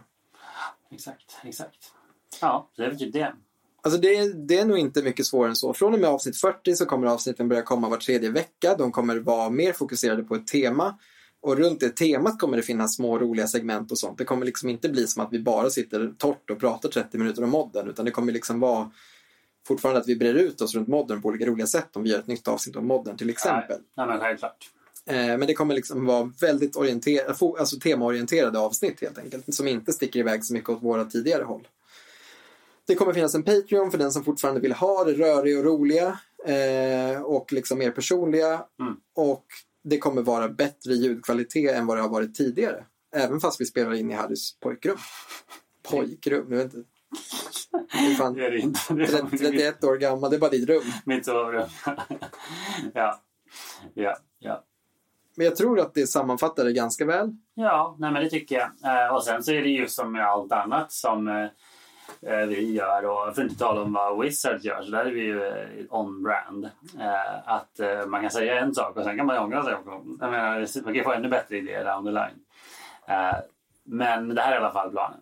Men det är inte så konstigt heller. Om man har gjort någonting kontinuerligt i tre år så får man ju mycket idéer på hur man skulle göra annorlunda. Mm. Och efter ett tag känns det som att små ändringar bara stör konceptet man har. Man måste kanske göra något stort för att det ska funka liksom, Mm. med de här nya idéerna. Och det är väl precis det vi håller på med. Jag tycker också en rolig och viktig poäng att eh, lyfta fram är ju att det här med Patreon öppnar för möjligheten att få, alltså, skapa mer community runt podden med folk som lyssnar och att man kanske kan börja ha meetups runt event som vi ska på och man kanske kan vara med och göra content tillsammans med lyssnarna. Det är inte alltid det går för det är inte alltid att folk vill vara med på det men vem vet, det kan ju verkligen leda oss på, till nya vägar. Vi hoppas ju det. Mm. Eh, personligen är jag supertaggad på, på alla de här förändringarna, annars hade vi inte gjort dem. Eh, och, och förhoppningsvis får vi med oss några av er som vill stötta det här projektet genom Patreon och därmed också kun- finns ju idéer med hur man genom Patreon kommer kunna vara med och påverka avsnitten och sånt om man är med på en lite högre nivå. Att man eh, kommer kunna vara med och önska segment och kanske till och med hela avsnittsteman på lite högre Mm. Patreon tiers. Vi får se vart vi hamnar där. Det är inte helt klart alla Nej, detaljer. nej. Men, men vi börjar liksom med en, en låg Patreon-nivå för att få tillgång till det här extra eh, materialet. Eh, down the line kan det liksom bli merch, det kan bli allt möjligt kul. Vi får se. Verkligen. Ja, men det kommer bli superkul. Eh, och eh, skönt just att ha eh, ett enklare och rakare, tydligare schema liksom, eh, och, och innehåll också. Så ja, nej, men det känns, eh, det känns toppen. Men det här är fortfarande avsnitt 39. Ja, just det. Och det betyder att vi inte har börjat med den nya produktionen än. Ja, Och det. att vi ska fortfarande leverera en härlig show and tell. Så vi fortsätter med det. Ja, precis. Så, precis som Edvard sa så nu eh, pratar vi med början här.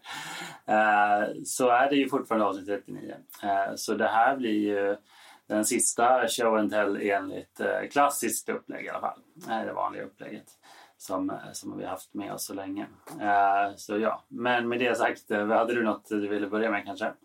Ja, och det är eh, något som du redan har lyft. Alltså att man har annonsat eh, den här framtida stora Universes Beyond-releasen, eh, Marvel.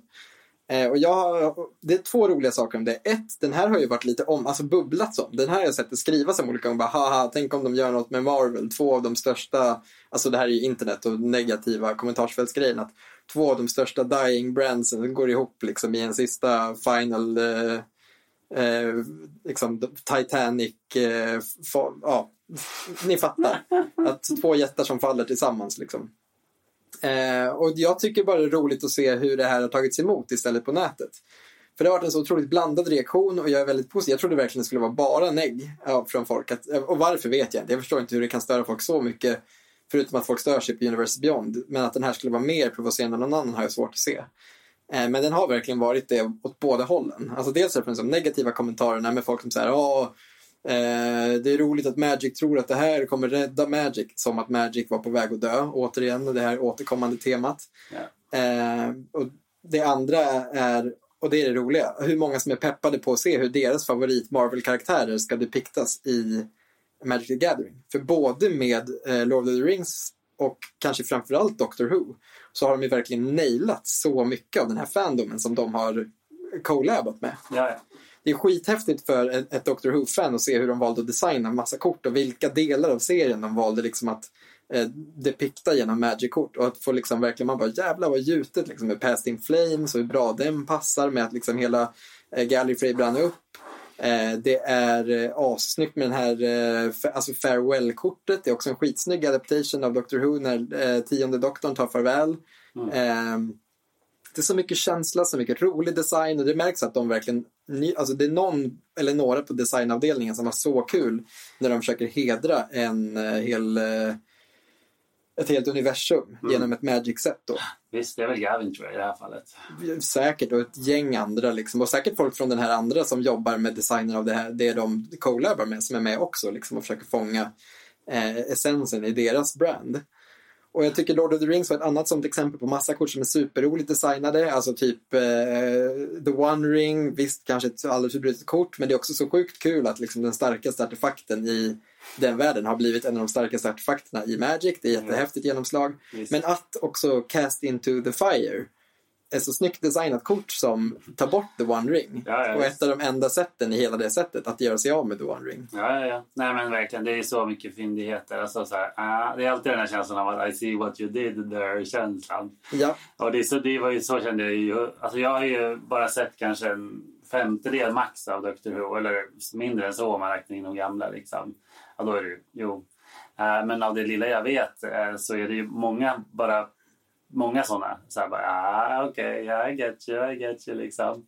Eller hur? Va? Eh, det är skitsnyggt. till exempel att så här, en som har fått mycket beröm är eh, kortet eh, River Song som är liksom en väldigt speciell karaktär då, som liksom upplever tiden baklänges på något sätt. Eh, eller det är så här, och hon, hon, eh, hon, eh, eh, och det, det, hon, hennes, hon har warpad syn av time i alla fall liksom, och lever på ett annat sätt på något vis.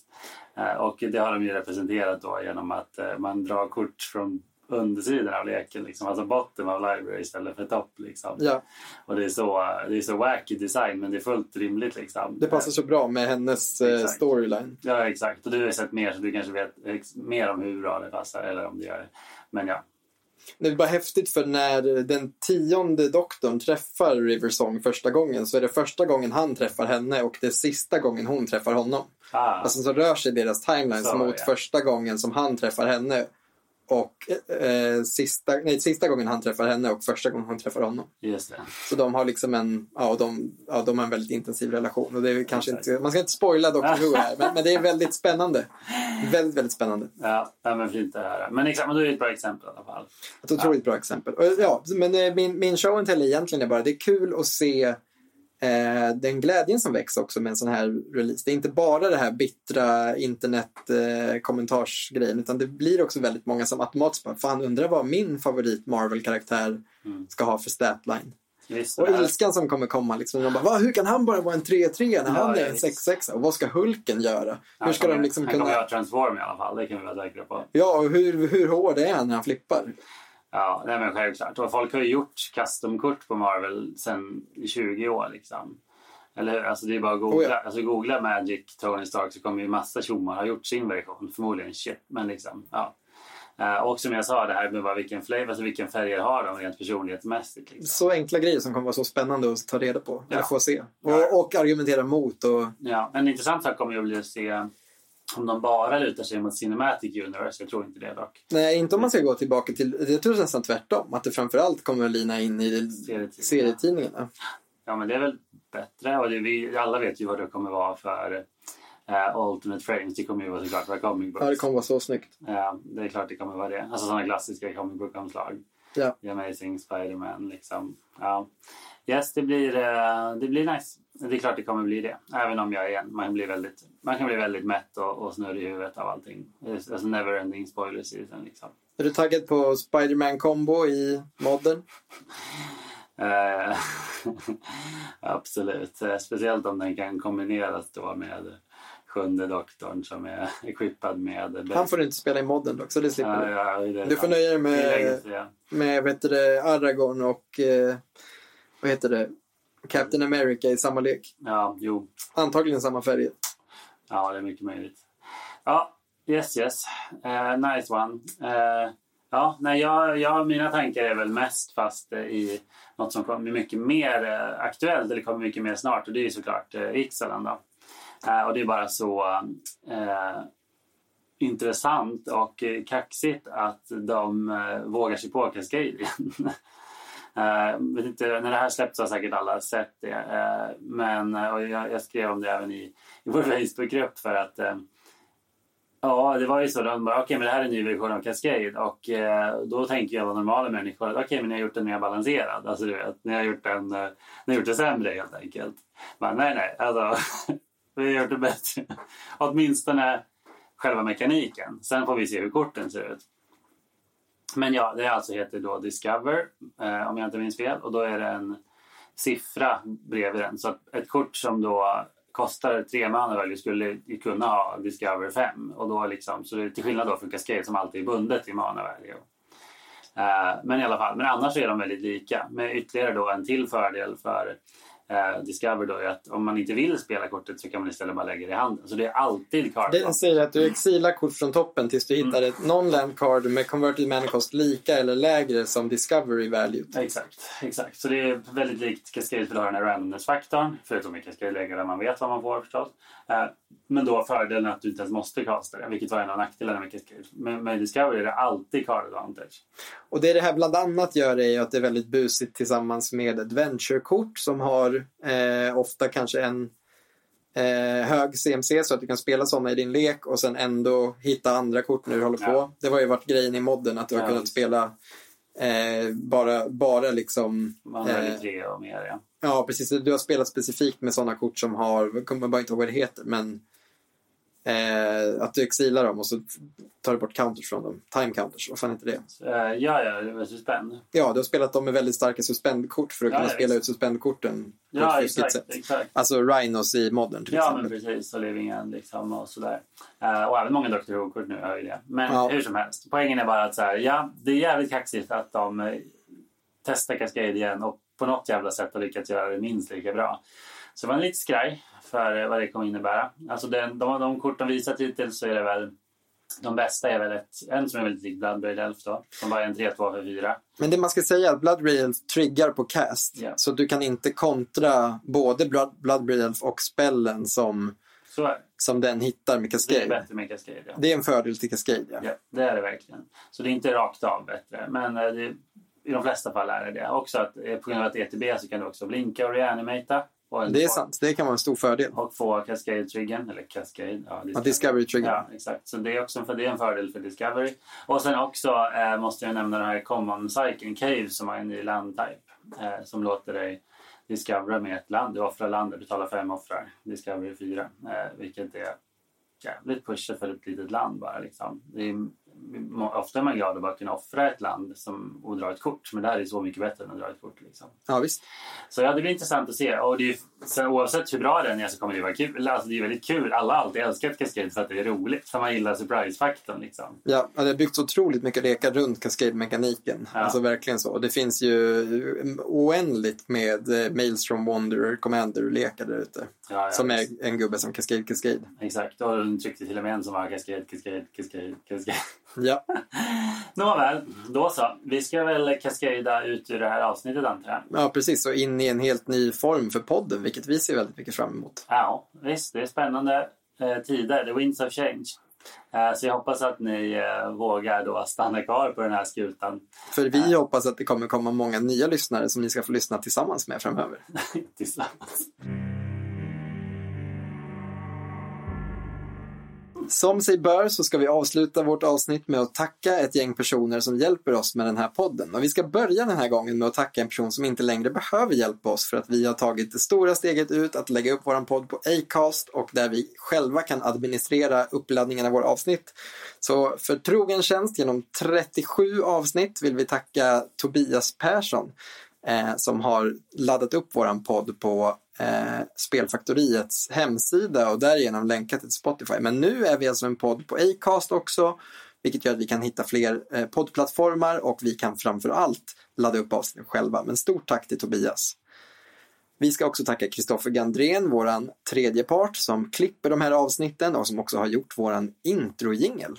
Vi ska tacka Nick Staffas för våran fina eh, vad heter det, omslagsbild och Ember Artworks för våran fina textlogotyp. Och sist men inte minst ska vi tacka Marcus Mackarna Östlund för vårat outro som kommer här. Tack för att ni har lyssnat.